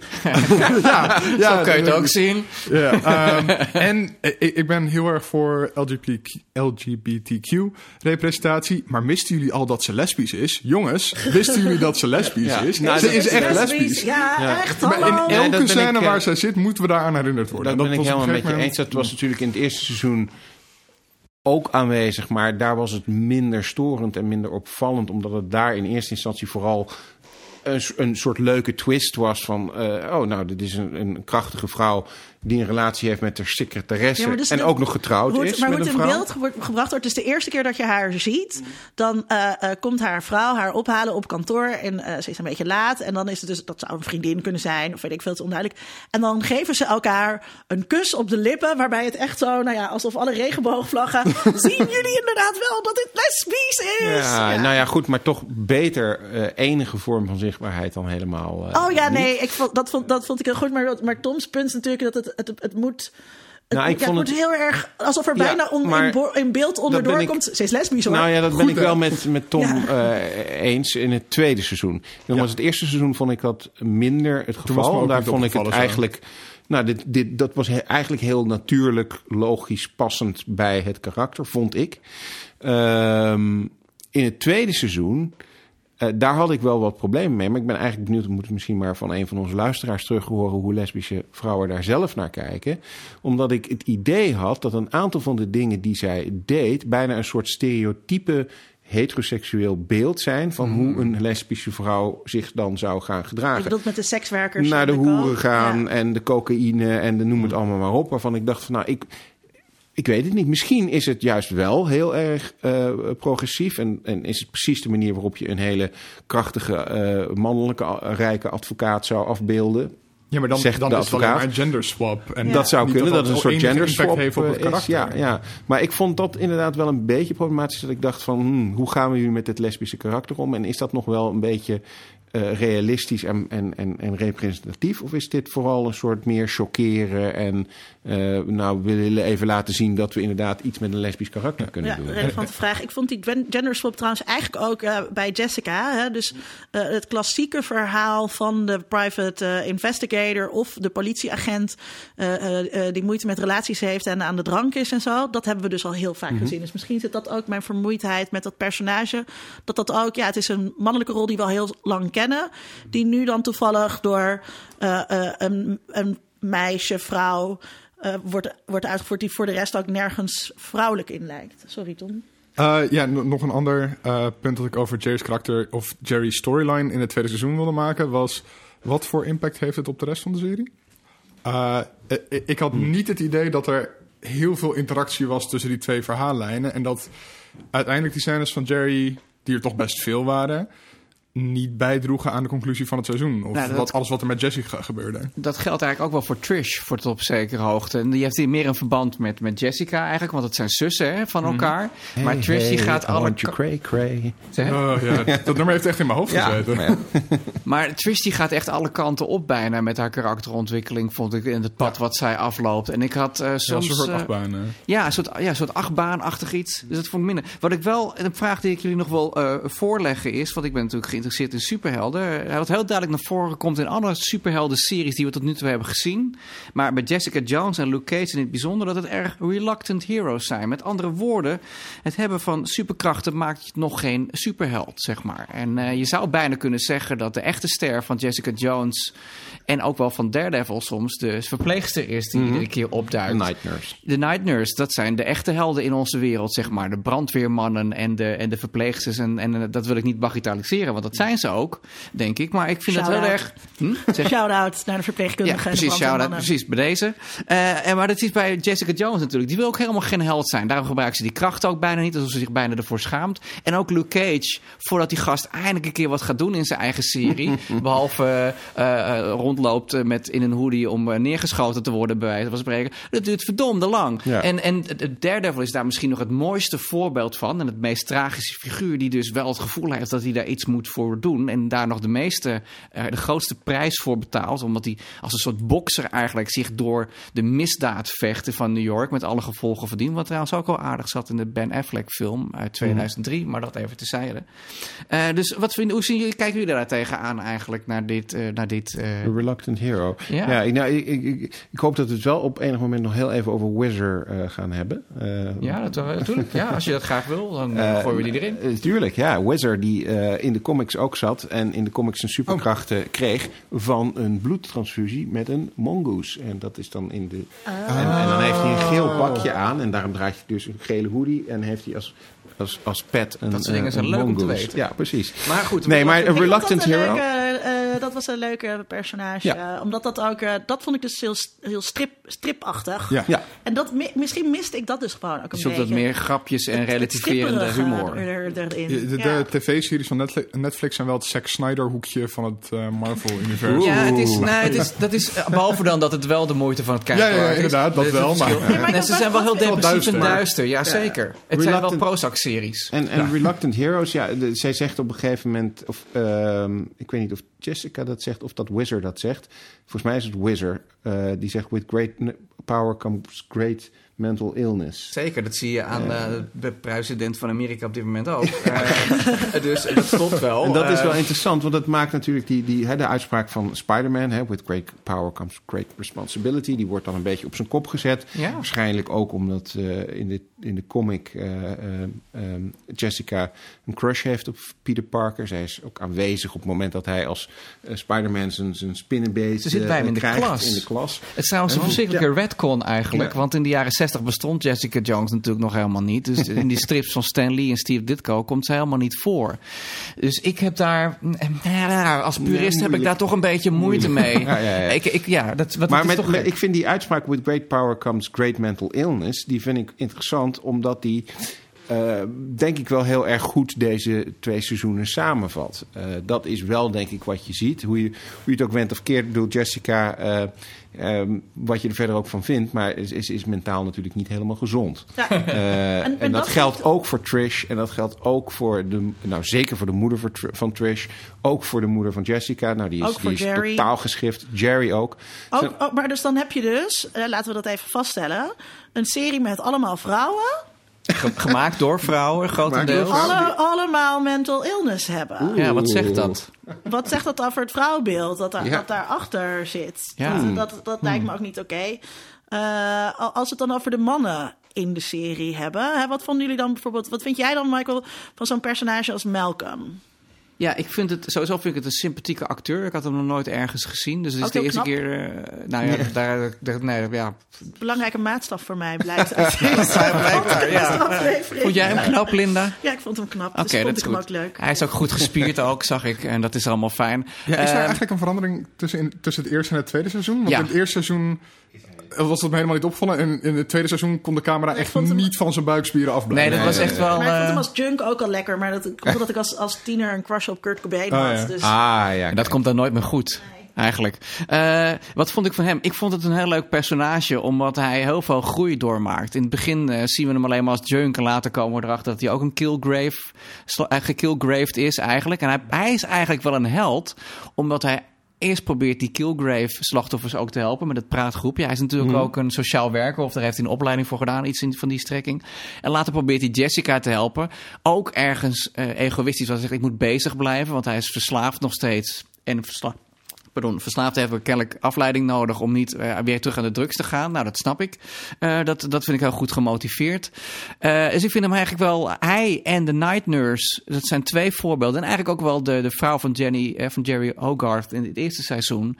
die arts. Die arts en Hope eigenlijk ook. Er zijn ook wel vrouw, vrouwpersonen die wel gewoon, gewoon zijn, tussen aanhalingstekens, zeg maar. Maar ik vind hem wel een heel sympathiek personage, ja. En ik vind, ik, wat, ik, wat ik jammer vond aan het tweede seizoen... het eerste scène dat de conciërge in beeld komt... weet je, Jessica en hij gaan iets met elkaar. Hij is de love Ja, interest van Mhm. Jessica. Dat, was, waar. dat was obvious. Hij is veel te knap om een side character te zijn. Nee, ja, maar alle, alle mensen zijn al in al die series... iedereen is in Amerika gewoon knap, en iedereen gaat ik. dus met elkaar seks hebben omdat je weet dat ze elkaar langer dan drie seconden hebben aangekeken. Ja. Ja, het is eigenlijk de ideale wereld. Ja. Nee, Als je dus- van seks houdt. Malcolm vond ik dus ook niet zo geloofwaardig. Omdat Ah, ik dus heel erg dacht, ja, maar waarom zou hij dan dus bij... Voor, voor Jessica willen blijven werken. Dus ik begrijp zijn eerste motivatie wel. Hè? Dat hij ook, ook nog een beetje boetedoening. Hij heeft toch natuurlijk al die foto's van haar gemaakt in seizoen 1. Maar waarom? maar Ze is elke keer zo heel onaardig tegen hem. Ze, ze zeikt hem de hele tijd af. Ja. Ja, waarom zou je, waarom zou je blijven? Ja, je- sommige mannen vinden dat kennelijk lekker. Maar ik denk ook dat hij echt een detective wil worden. Daarom gaat hij later ook werken voor die andere gast. Maar Tom heeft daar ook een opmerking over, zie ik. Oh, dat dacht ik. Wat vond jij dacht- van Malcolm? Ik vond Malcolm een van de sympathie... Of eigenlijk het enige sympathieke karakter uit de serie. Yes, ik win jullie voor mij. Nee, ik, vind, nee, ik vind Jessica vind ik heel lief. Maar dat even terzijde. ja. Ehm, en hij is inderdaad ook gewoon de enige in de serie die een beetje een geloofwaardige character arc doorloopt. Eh, en dat je snapt aan het einde, zoals jij zegt, hij gaat inderdaad ook gewoon uiteindelijk weg bij Jessica, omdat hij, Dat die is shit, wel waar, ja. omdat hij daar niet meer in En zin in hij pikt heeft. die shit van Trish ook niet. Dat, dat Nee, was ook goed. dat vond ik heel prettig. Dat ik echt zo van dat, dat hij die Trish storyline ingetrokken werd. Had ik echt zo, nee, alsjeblieft niet. Eh, want ik vond Trish heel vervelend. Eh, ehm, nee, dus ja, ik vond Malcolm gewoon een heel tof karakter. Ik wil dat hij zijn eigen spin-off serie krijgt. Oh. Maar moet hij daar dan ook superpowers voor hebben? Nee joh. Ik bedoel, The Punisher heeft zijn eigen spin-off serie gekregen. En die heeft Ja. ook superpowers. Ja, over het vermoorden van schurken als enige oplossing Ja, ja, ja, gesproken. ja. Wat het natuurlijk Over het Punisher-model, zeg maar. Michael, Ja. ik heb een vraag aan jou. Oh jee, Waarom is dit geeky? omdat het over superhelden gaat. Maar is het dan per definitie geeky? Alle superhelden dingen zijn geeky. Waarom? Omdat het gewoon zo is. ja, ook dat. Ja, Omdat, omdat alles wat met Jezus te maken heeft religieus is. En eh, dus, eh, zeg maar, eh, toch wel, tenzij het Jesus is, de, de, de pizzabakker, de Mexicaanse pizzabakker om de hoek, bij wijze van spreken. Of Ehm, Jesus, de Mexicaanse advocaat. Want het is gewoon een veel voorkomende naam die niet per se gerelateerd is aan de arbeidersklasse. dat is ook zo. dat dat even duidelijk is, Juist, verdorie. juist. Maar ik denk dat dit geekier is dan wat Margaret Atwood ooit bij elkaar heeft geschreven. Ehm, nee, maar even serieus. Nee, ik, ik vind, nou. het, is, het is geeky, omdat, maar oké, hangt wacht, laat ik de vraag terugstellen. Wat versta jij dan onder geeky? Nee, nee, nee, want dat is, dat is maar ik dan ben ik dan wel benieuwd wat Sidney Ik vind, het, eh, ik vind het geeky ehm, omdat het in een bredere context van geekiness eh, staat. Misschien als je Jessica Jones helemaal op zichzelf alleen zou bekijken. Zonder Wizard. Zonder Wizard, zonder de connecties naar de MCU die erin zitten. En zonder de verwijzingen naar de comics waar het vandaan komt. Want het- bijvoorbeeld ook hè, Trish, Patsy is een reden waarom ze Patsy heet. Dat moet je de comics maar eh, eh, Patricia, lezen. dacht ik. Nee, nee, nee. De, in, de, in de comics heet ze daadwerkelijk, voordat ze eh, wordt wie ze wordt, eh, Patsy. Eh, het kostuum dat Jessica Jones in de comics als superheld draagt, zit er op een gegeven moment in. Dat komt Ja, Trish Jewel, aanlopen. Ja. Ja. precies. Eh, dat zijn allemaal van, nou ja, je ziet al, hè, we hebben het daar nu over. Dat zijn allemaal super geeky dingen die er gewoon in zitten. Eh, dat moet je wel weten, of je moet er eh, je enigszins in verdiepen. Maar het is echt wel heel erg geeky. Ja. ik vind dat, het er, dat de geekiness er zo een beetje uitgegumd is. En eigenlijk is het dus ja, een klassiek soort... eh, eh, eh, eerder film noir of zo. Het, dan, is, het is ehm, ook wel een noir-achtig iets, ja dan- zeker. dan, Is ook eh, bewust voor gekozen. Cheesy jazzmuziek in de achtergrond. eh. Ja, ik vind het niet zo cheesy. Die muziek Oh, die van de muziek best goed. Ja, nee, nee, ik, vind, Ja. ik vind het wel eh, cheesy in de zin van dat het voor een neo-noir Ja, ja, ja, is ja, het gewoon oh, na- natuurlijk. Met, en dat Maar met dat de is- voice-over. Maar dat is, eh, ik denk, jouw de drank. probleem eh, is, is meer dat men in die eh, Marvel televisieseries er volgens mij, en dat doen ze trouwens in de films tot op zekere hoogte ook, maar die zijn meer gebonden aan formule. Black Panther is een uitzondering, Thor Ragnarok is een uitzondering. Maar in de televisieseries hebben ze volgens mij heel erg bewust geprobeerd te kiezen om iedere serie in iets meer eigen karakter en toon eh, te geven. Waarbij Jessica Jones inderdaad gewoon de klassieke eh, detective noir eh, serie is Ja. geworden. Ehm, en dat, ja, dan kun je zeggen, dan is het dus een detective noir serie. Maar ja, maar wel binnen het Marvel Cinematic Maar Universe. misschien dus ook om een beetje weg te moven van de, de Ja. geekiness. Om een Nou. beetje uit die hoek te blijven en meer kijkers aan te Ik weet spreken. niet Ja, Misschien ik denk dat ze best wel wat, ja, wat mainstream zijn- appeal erbij hebben Ja. gekregen door eh, dat minder te benadrukken. Ja. Wel voor de insiders die dingetjes erin ja. te verborgen hebben. Ja. Ehm, maar je kan dat ook kijken zonder die referenties te kennen. Ja, en, en ik denk dat Michael er zo nog wat over moet zeggen. Want dat is de Marvel eh, geek eh, of Marvel zombie, zoals ze dan eh, dat zeggen. Ehm, maar ik denk dat dat ook wel goed werkt bij eh, Jessica Jones. Is, is denk ik het duidelijkste voorbeeld eh, daarvan. Want Daredevil gaat al vrij snel. Wordt die Daredevil of in ieder geval gaat hij iets doen. Eh, bij Jessica Jones heb je inderdaad denk ik het langste aanloopmoment waarin je denkt van ja, er is hier iets, wel iets bijzonders aan de hand. Maar het zou eigenlijk ook gewoon een normale dame kunnen zijn... die toevallig misschien iets sterker is dan de gemiddelde eh, dame. Ja, dat ik zei, het duurt, het duurt wel Ja. lang voordat je als kijker door hebt dat, dat ze superpowers Ja, en dat, dat Ja. vind ik ook wel weer verfrissend en ook wel weer eh, knap aan die serie. Dat, dat, dat je dus durft om eh, zo'n superheld niet meteen superheld te laten zijn, maar eigenlijk een soort ander genre probeert eh, te starten en mensen naar binnen haalt en mensen ook aantrekt die misschien inderdaad helemaal niet geïnteresseerd zijn in iemand die kan vliegen. Maar wel eh, iemand die heel ver kan springen. Ja, precies. Ja, ehm, ik vind het dus inderdaad wel heel erg geeky. Ik vind het, eh, en ik vind het echt een hele goede serie. Sorry Lin, maar ehm, ik, vond ik vind dat het heel interessant hoe met trauma omgegaan wordt. Dat we posttraumatisch stresssyndroom behandeld wordt. Dat we gaan kijken naar wat gebeurt er eigenlijk als je mentaal en lichamelijk verkracht bent. En als je die confrontatie inderdaad aan moet met, met de dader. Eh, ik vind het verhaal van Patsy in het eerste seizoen ook interessant. Kindsterren en hun ouders. Wie heeft daar... Hè? Die ouders gebruiken eigenlijk hun kinderen om zelf hoger op de sociale ladder vaak te komen en gel- geld te vergaren. Ik vond Kilgrave, Kilgrave interessant omdat hij eigenlijk een genuanceerde schurk is. Ehm, dus al met al, en ik vind eh, Kristen Ritter vind ik echt eh, het heel goed doen. Want ze is wel meer dan alleen maar zaggerijnig. Er zit heel veel nuance in die zaggerijnigheid van haar, elke aflevering. Ehm, en, en wat ik heel erg... Volgens mij is dat echt, dat is echt wishful thinking. Eh, dat en is, wat- jij hebt een crush op haar. dat, en dat, en dat, want het zit er gewoon niet in. Dat, Nou. Daar verschillen we van mening. En eh, wat ik ook erg interessant vind, is eh, de schuldvraag die eh, doorloopt. En de Jessica wordt geplaagd door de schuld. Nou, dat is net al besproken, de dood van haar eh, vader en moeder en, en, en zoon. Nou, dat wordt opgelost in het tweede seizoen eigenlijk, door dat, de opmerking van haar moeder. Maar ook de Het, schuldvraag. het was niet jouw schuld. Daarmee is Nee, zoiets maar ook- ook... niet opgelost. Als zo'n moeder dan zegt, nee hoor, het lag niet aan jou. Dan zegt Jessica, oh, nou, al mijn problemen zijn voorbij. Nee Ja, dat- man, dat- zoiets vergt jarenlang Oké, maar ze zegt dat ook niet. Maar het is, eh, wat ik ook interessant vind, is dan, dan heeft ze de vrouw van Luke Cage vermoord. En dan zoekt ze toch contact met hem, want ze zoekt een soort vergeving bij hem.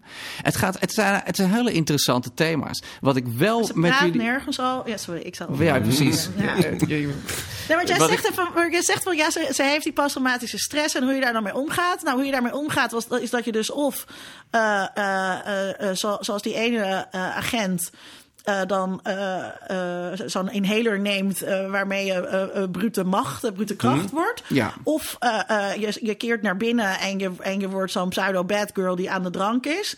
Eh, eh, dat zijn hele platte effecten van eh, dit soort eh, oorzaken tussen aanhalingstekens die we al zo vaak gezien hebben. ik heb ze niet zo vaak gezien nog. Misschien is het dan... sinds, sinds de Vietnamoorlog eh, hebben we een enorme reeks aan karakters gezien die posttraumatische stress Ja, hebben. Nou, zijn Logan is ook een film die daarover personages gaat. met posttraumatische stress dan met een moeizame relatie met hun moeder. Ja, maar nog niet in de combinatie zoals Jessica Jones die biedt, vind ik. Dus dat vind ik wel interessant. hey, maar ik vond die, die stelling die net al te berde werd gebracht, vond ik interessant. Ehm, ik ben wel van mening dat, dat, dat de tv-series van Marvel, en dat is een beetje wat inhaakt op jouw vraag, is het nou geeky of niet, dat het toch wel heel erg duister allemaal is. En dat bijvoorbeeld de Punisher, daar gaan we natuurlijk in de toekomst, als we het hebben over eh ultrageweld, nog wel over hebben. Dat vond ik op sommige momenten te gruwelijk en te duister zelfs, om nog naar te kijken, zeg maar. En ik vind het wel jammer dat we dus bij de tv-series moeten missen de relativerende humor die in, in de comics heel veel zit. En, en, die, eh, en die- dus dat is wel een gemis ergens, denk ik. Want ik denk dat je deze thema's die we net besproken hebben, dat je, eh, de Wizard is daar een mooi voorbeeld van, dat je toch iets relativerends daarin brengt. En hoe zitten, jullie daarbij te kijken van... Nou, het is interessant omdat het, eh, eh, het bijna het spiegelbeeld is van wat DC doet. Als je bij DC naar de series kijkt, dat zijn eigenlijk bijna een soort jaren tachtig-achtige series in de zin van heel kleurrijk. Eh, volgens mij gaat er ook nooit iemand echt dood. Eh, het is echt zijn van die scènes uit de E-team dat je ze altijd nog even uit de auto ziet eh, eh, stappen omdat ze nog leven. Ehm, en eh, die series zoals Supergirl en The Flash en Arrow en de, eh hoe heet het? Guardian, nee, niet de Guardians, maar de... eh, eh, met dat team. Ik weet ja, wat je dat team bedoelt, ja. inderdaad.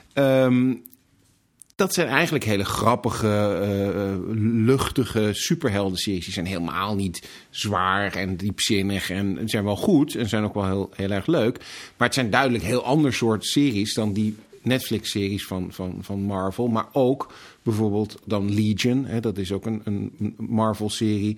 Of eh, The Runaways, dat is ook een Marvel-serie. Dat zijn veel serieuzere eh, hoewel Legion ook luchtig en grappig is, maar wel veel serieuzer en eigenlijk een beetje artistieker dan die DC-series Ja. zijn. Terwijl het bij, het bij de films misschien juist weer het tegenovergestelde is. Want ja, Daar is het DC maakt alleen maar hele donkere, duistere, serieuze eh, films. En, en Marvel maakt vooral hele goede, eh, eh, ja, grappige Actie- actiecomedies actiefilms. Ja. Ja. Voor mij, kijk, eh, eh, eh, daar had ik over nagedacht. Van wat, wat is nou, wat- waar wringt het nou voor mij, zeg maar, met die serie? Is dat ik ben echt een seriefreak, kijk heel veel series. Ik verwacht dan ook heel veel. Dan verwacht ik ook dat je gebruik maakt van wat series kunnen doen. Dus dat, dat, dat interessante storytelling momenten. Denk aan How I Met Your Mother, die manier waarop dat opgezet is met flashbacks eh, en zo. Dat, vind ik, dat kan je met series doen, vind ik interessant. En echt personage-uitdieping. Eh, eh, zoals dat gaat in Breaking Bad of in dan- Fargo. In- dat, dat, en dat, en dat hier ehm, wordt die kans zeg maar gemist. En het is voor wat mij betreft, eh, zo- zo'n slechte serie is nou ook weer niet. Hè, het is drie sterren of zo. Weet Mhm. Maar je? vind je dan bijvoorbeeld dat, dat is een van de kritieken die ik wel gelezen heb, en zeker op het tweede seizoen, maar ook wel op het eerste seizoen. Het had eigenlijk drie of vier afleveringen minder kunnen zijn. en dan had je nog steeds een heel. Ik, ik denk dat echt, Afgerond zeker verhaal bij het tweede seizoen inderdaad. Het had een eh, film kunnen zijn, dat verhaal van Kilgrave. Eh, eh, ook eh, hoe het nu verteld wordt, dat is een, een film, zou ik zeggen. Nou, het probleem met Kilgrave vond ik... Of zes je weet, afleveringen, Je ja. weet dat die pas bij de dertiende aflevering eh, gepakt wordt, zeg maar. Want we moeten nog zoveel Ja. afleveringen. En op een gegeven moment was het heel erg Tom en Jerry-achtig. Dan ontsnapt hij weer. En dan ontsnapt hij weer. Waarbij de en, uiteindelijke finale ook een enorme anticlimax is. Oh, dat vond ik wel weer Dat aardig. vond ik wel knap. gedaan. Ja, dat vond ik wel goed. Ik vond, maar ik vond het, wat ik wel leuk eraan vond, hij ontsnapt iedere keer weer. En toch klopte het wel. Het was wel goed, goed genoeg geschreven dat je denkt... ja, ik snap dat hij er nou weer vandoor kan... want er heeft net iemand een halve fles in de nek gestoken. eh, en of weet ik veel wat. En, eh, mooie dat- scène vond ik bij eh, dat politiebureau. Dat hij dan eh al die- dat mensen iedereen- zo geïnstrueerd heeft. Ja. Ook een beetje ongeloofwaardig. Want eh, dan ga ik dus eerst tegen jou dat zeggen. Eh, want zijn, zijn krachten waren toen nog niet... Niet zo heel sterk, sterk dat hij het in één keer kon doen. En hij moest er wel specifieke instructies geven, maar goed. Hè, want dan ondertussen heeft die agent aan de kamer, in de hoek van de kamer al gezien dat daar iets niet goed gaat. Mm. En die grijpt in. Maar goed, dat vond ik wel. Dus daar denk ik, dat soort setups, daar had je nog veel meer. Nou ja, daar wordt naar doen. verwezen in het tweede seizoen. Hè? Want Ja. eh, dat, dat zijn die politieagenten die dan op een gegeven moment het onderzoek gaan doen. Waarvan een van die agenten Jessica een beetje de ruimte geeft. Omdat hij zegt, nou, ik was in dat politiebureau. Ik kan me nog herinneren dat ik mijn pistool op mijn collega moest, eh, moest richten. Dat, dat, dat Ja. is dan wel weer goed. Het zou een leuke spin-off serie zijn om eh, te zien wat je vertelde in de vorige aflevering over die Star Wars spin-off serie. Mhm. Van eh, wat, wat gebeurt er dan kort daarna? Wat gebeurt er kort daarna op zo'n Ja, ja. politiebureau? Oh, Wordt er dan slachtofferhulp gebeld? waar, eh, waar gaan we heen? nee, misschien moet jij dan die, die scènes maar gaan schrijven. Eh, ja, ik, ik- maar zo is eigenlijk gewoon deze tv-serie begonnen. Eh, want het is... Daredevil begint met... Oh, maar wat is er in New York gebeurd... vlak nadat The Avengers gebeurd is. Eh, dus dat is hoe die hele serie begonnen is. Wordt uiteindelijk nooit meer naar verwezen. Maar Nou ja, het begin een beetje. Ja. Hey, ik denk dat we, ik, dat Jessica Jones bij deze gaan afronden. Tenzij Linda er nog iets over kwijt wil. Maar volgens mij is het wel eh, genoeg afgebrand zo, arme Jessica. Oh, dat is ook niet mijn bedoeling. Nee, dat maakt niet uit. Ik vond het wel leuk. Ehm, we hadden nog eh, een binnengekomen post, eh, zoals, dat dan, eh, zoals ik dat maar even noem. Een opmerking van een luisteraar die zich afvroeg of een postcard eigenlijk wel zo lang moet duren als dat we ze maken. Is een uurtje niet genoeg?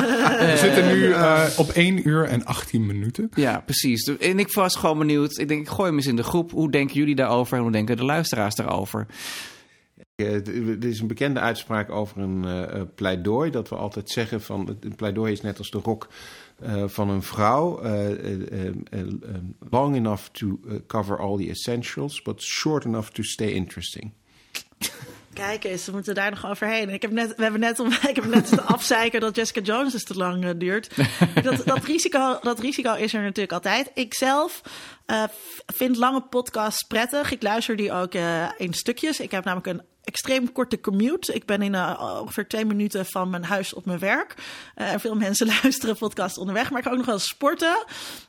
En dat duurt wel wat langer. En ja, zo, zo, zo eh, doe ik dat zelf. Ehm, dus ik zou aan deze luisteraar willen zeggen: deel het op in blokjes. En dan kan je er op meerdere dagen of meerdere momenten van genieten. Toch? Ja, ik eh, luister het in principe hetzelfde, maar mijn commute is dan wel een half uur. Dus voor mij Je woont eh, ook heel ver weg. helemaal in Nieuw-West. Ehm, ehm, nee, maar ik, ik, ik luister het inderdaad ook gewoon op de fiets eh, eh, elke keer in stukken. En ik vind het heerlijk. Bijvoorbeeld die podcast van Faber die duurt soms 2,5 uur. Prima. Ja. Dat vind ik, vind ik te vind podcasts sorry, de- de- nog eh, doorgaans inderdaad eerder te kort dan te lang. Eh, eh, ja, als het een goede podcast is, dan wil je eigenlijk juist meer eh, horen. En eh, bij, bij Geeky podcasts, ik luister wel een paar, is het, vind ik het juist heel frustrerend als het te kort is, omdat ze dan niet diep genoeg op het onderwerp ingaan. Dan denk ik, ja, als je het in een kwartier kan vertellen, had ik het zelf al kunnen bedenken. Dan, eh, dan hoef ik die podcast ook niet te luisteren. Wat vind jij, Michael? Eh, ja, Luister je nou, wel eens podcast? ik luister heel af en toe podcasts, maar ik ben meer iemand die vlogs eh, kijkt en, en luistert eigenlijk. Want heel veel vloggers tegenwoordig lezen gewoon een artikel voor uit de krant of uit, van Variety of weet ik wat. Dat zijn eigenlijk podcasts, maar dan met één plaatje.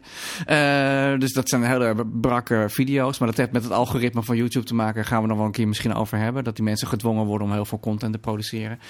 Dus ja, ik vind een uur vind ik ook wel mooi. Ik heb natuurlijk nog kortere commute naar mijn werk, want mijn kantoor is in mijn huis.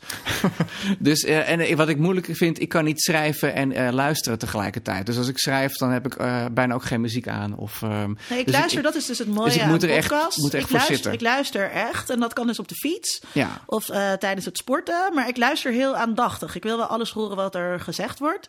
En als ik dus iets gemist heb, dan ga ik ook een stukje terug. ja, oh, dat is goed, Ja, dus het denk is ik. niet bij mij echt niet zoals, eh, zoals radio. Maar Een Kevin leuke Smith... podcast over podcasts. eh. Podcast, de lengte van de wilde ik net gaan podcast. is Ja. een beetje jij zoals... hem eh, even? Jij hebt Eh, nog de Kramer. Hebben we een keertje een hele leuke aflevering gemaakt over het luisteren van podcast. Met de gast Volkert Koelhoorn, oud-redacteur van ons, die zijn scriptie daar ook over geschreven heeft. Oh, het is een beetje zoals een hele de- meta-podcast. zoals Doen we de de- link onder op de Facebookpagina? die, die, die Dan, kunnen we doen. Maar dit, dit is een beetje zoals in Seinfeld dat Kramer op een gegeven moment het briljante idee heeft om een coffee table book about coffee tables te maken. Op zich wil ik dat wel lezen. Eh, laten we daarmee afsluiten. Tom, waar kijk jij naar uit de komende twee Eh, weken? jij hebt hem bij de vorige aflevering al genoemd, maar ik ga hem hier nog een keertje noemen. Eh, de nieuwe Avengers Infinity War. Ja. Eh, en die ga ik in 4D kijken. Want dat is met bewegende stoelen en ja, dat, dat is waar we het eh, eerder over gehad hebben, inderdaad. Ja, in een andere ja, aflevering. Ik, ik wil nu eigenlijk alle Marvel-films eh, gewoon, gewoon, Je bent echt gewoon 4D-fan. lekker in 4D We kijken. moeten gewoon een keer de doen. afvuren. Ja, goed, we hebben een 4D-fan en een Jessica-hater. Wordt gezellig hier. Eh, Jessica-hater, waar, waar kijk jij naar uit? Om, eh, om jou te pesten, Michael, kijk ik uit naar het nieuwe seizoen van The Handmaid's Tale.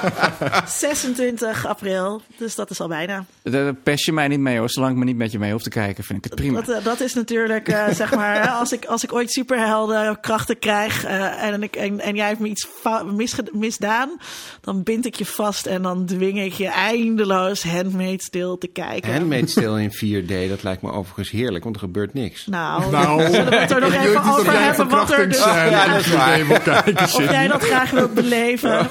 Goed, ik weet niet of ik de volgende keer nog meedoe, want Linda kijkt me wel heel erg boos aan. Ehm Sydney. Ah, nu mag ik nog. Mag jij nog. Ehm, nou, vanaf 13 april eh, Lost in Space op Netflix. En eh, ik eh, vond Lost in Space eigenlijk altijd al wel leuk. Die hele oude serie, die was wel heel erg oud. En ook wel heel erg, ehm, nou ja, onrealistisch, zover dat nog gezegd moet worden. Maar ik vond die vorige film bijvoorbeeld best, eh, best aardig. Eh, leuk muziekje erbij. En deze keer hebben we een vrouwelijke Dr. Smith. Dat vind ik ook wel weer een leuke twist, toch? Eh, dus ik ben heel benieuwd, 13 april, Lost in Space op Netflix. Danger, Will Robinson. Danger, Will Robinson. Dat klinkt danger. goed. Ehm, waar kijk ik naar uit? Naar onze volgende podcast natuurlijk. Die gaat over ultrageweld. Eh, maar dan in fictieve omstandigheden eh, vooral eigenlijk. Dus, ehm, En misschien een beetje in de Bijbel. En misschien een beetje in de Bijbel. Toch wel een eh, redelijk gewelddadig boek. Met eh, een hoofdrolspeler die ook niet altijd even sympathiek is. Ehm, eh, Welke of- bedoel je dan? of- nee, ja, die ene gast die zogenaamd alles gecreëerd heeft. Ja, die, weet die ik. Killgrave Niet op de wolk. zoon. Zeg maar. Dus, Die zoon ehm, is ook maar gewoon het slachtoffer, hè? Ja, nou, er is... eh, Die heeft daar nooit om gevraagd dat gekruisigd wordt. nee, precies. Nou, we beginnen al. eh, jullie horen het al. Jullie mogen de shizzle liken als je het leuk vindt. Vertel het in ieder geval. een vraag insturen over Ja. ultrageweld en eventueel de Bijbel. Dat is leuk. We hebben ook een speciale gast hebben we dan, dus dat wordt ook eh, leuk. En wie dat is, ga ik nu nog niet onthullen. Eh, maar het is niet Jezus in ieder geval. Of wel, dat weet je Die nooit. kon niet Leo. komen. Altijd een beetje bij. Ja, het is altijd de second coming, maar wanneer die dan eigenlijk komt, dat weet je dan nooit zeker. Dit gaat echt helemaal nergens op. Ik, ik zou zeggen, fijn dat jullie luisterden en eh, tot de volgende Kiki Dingen.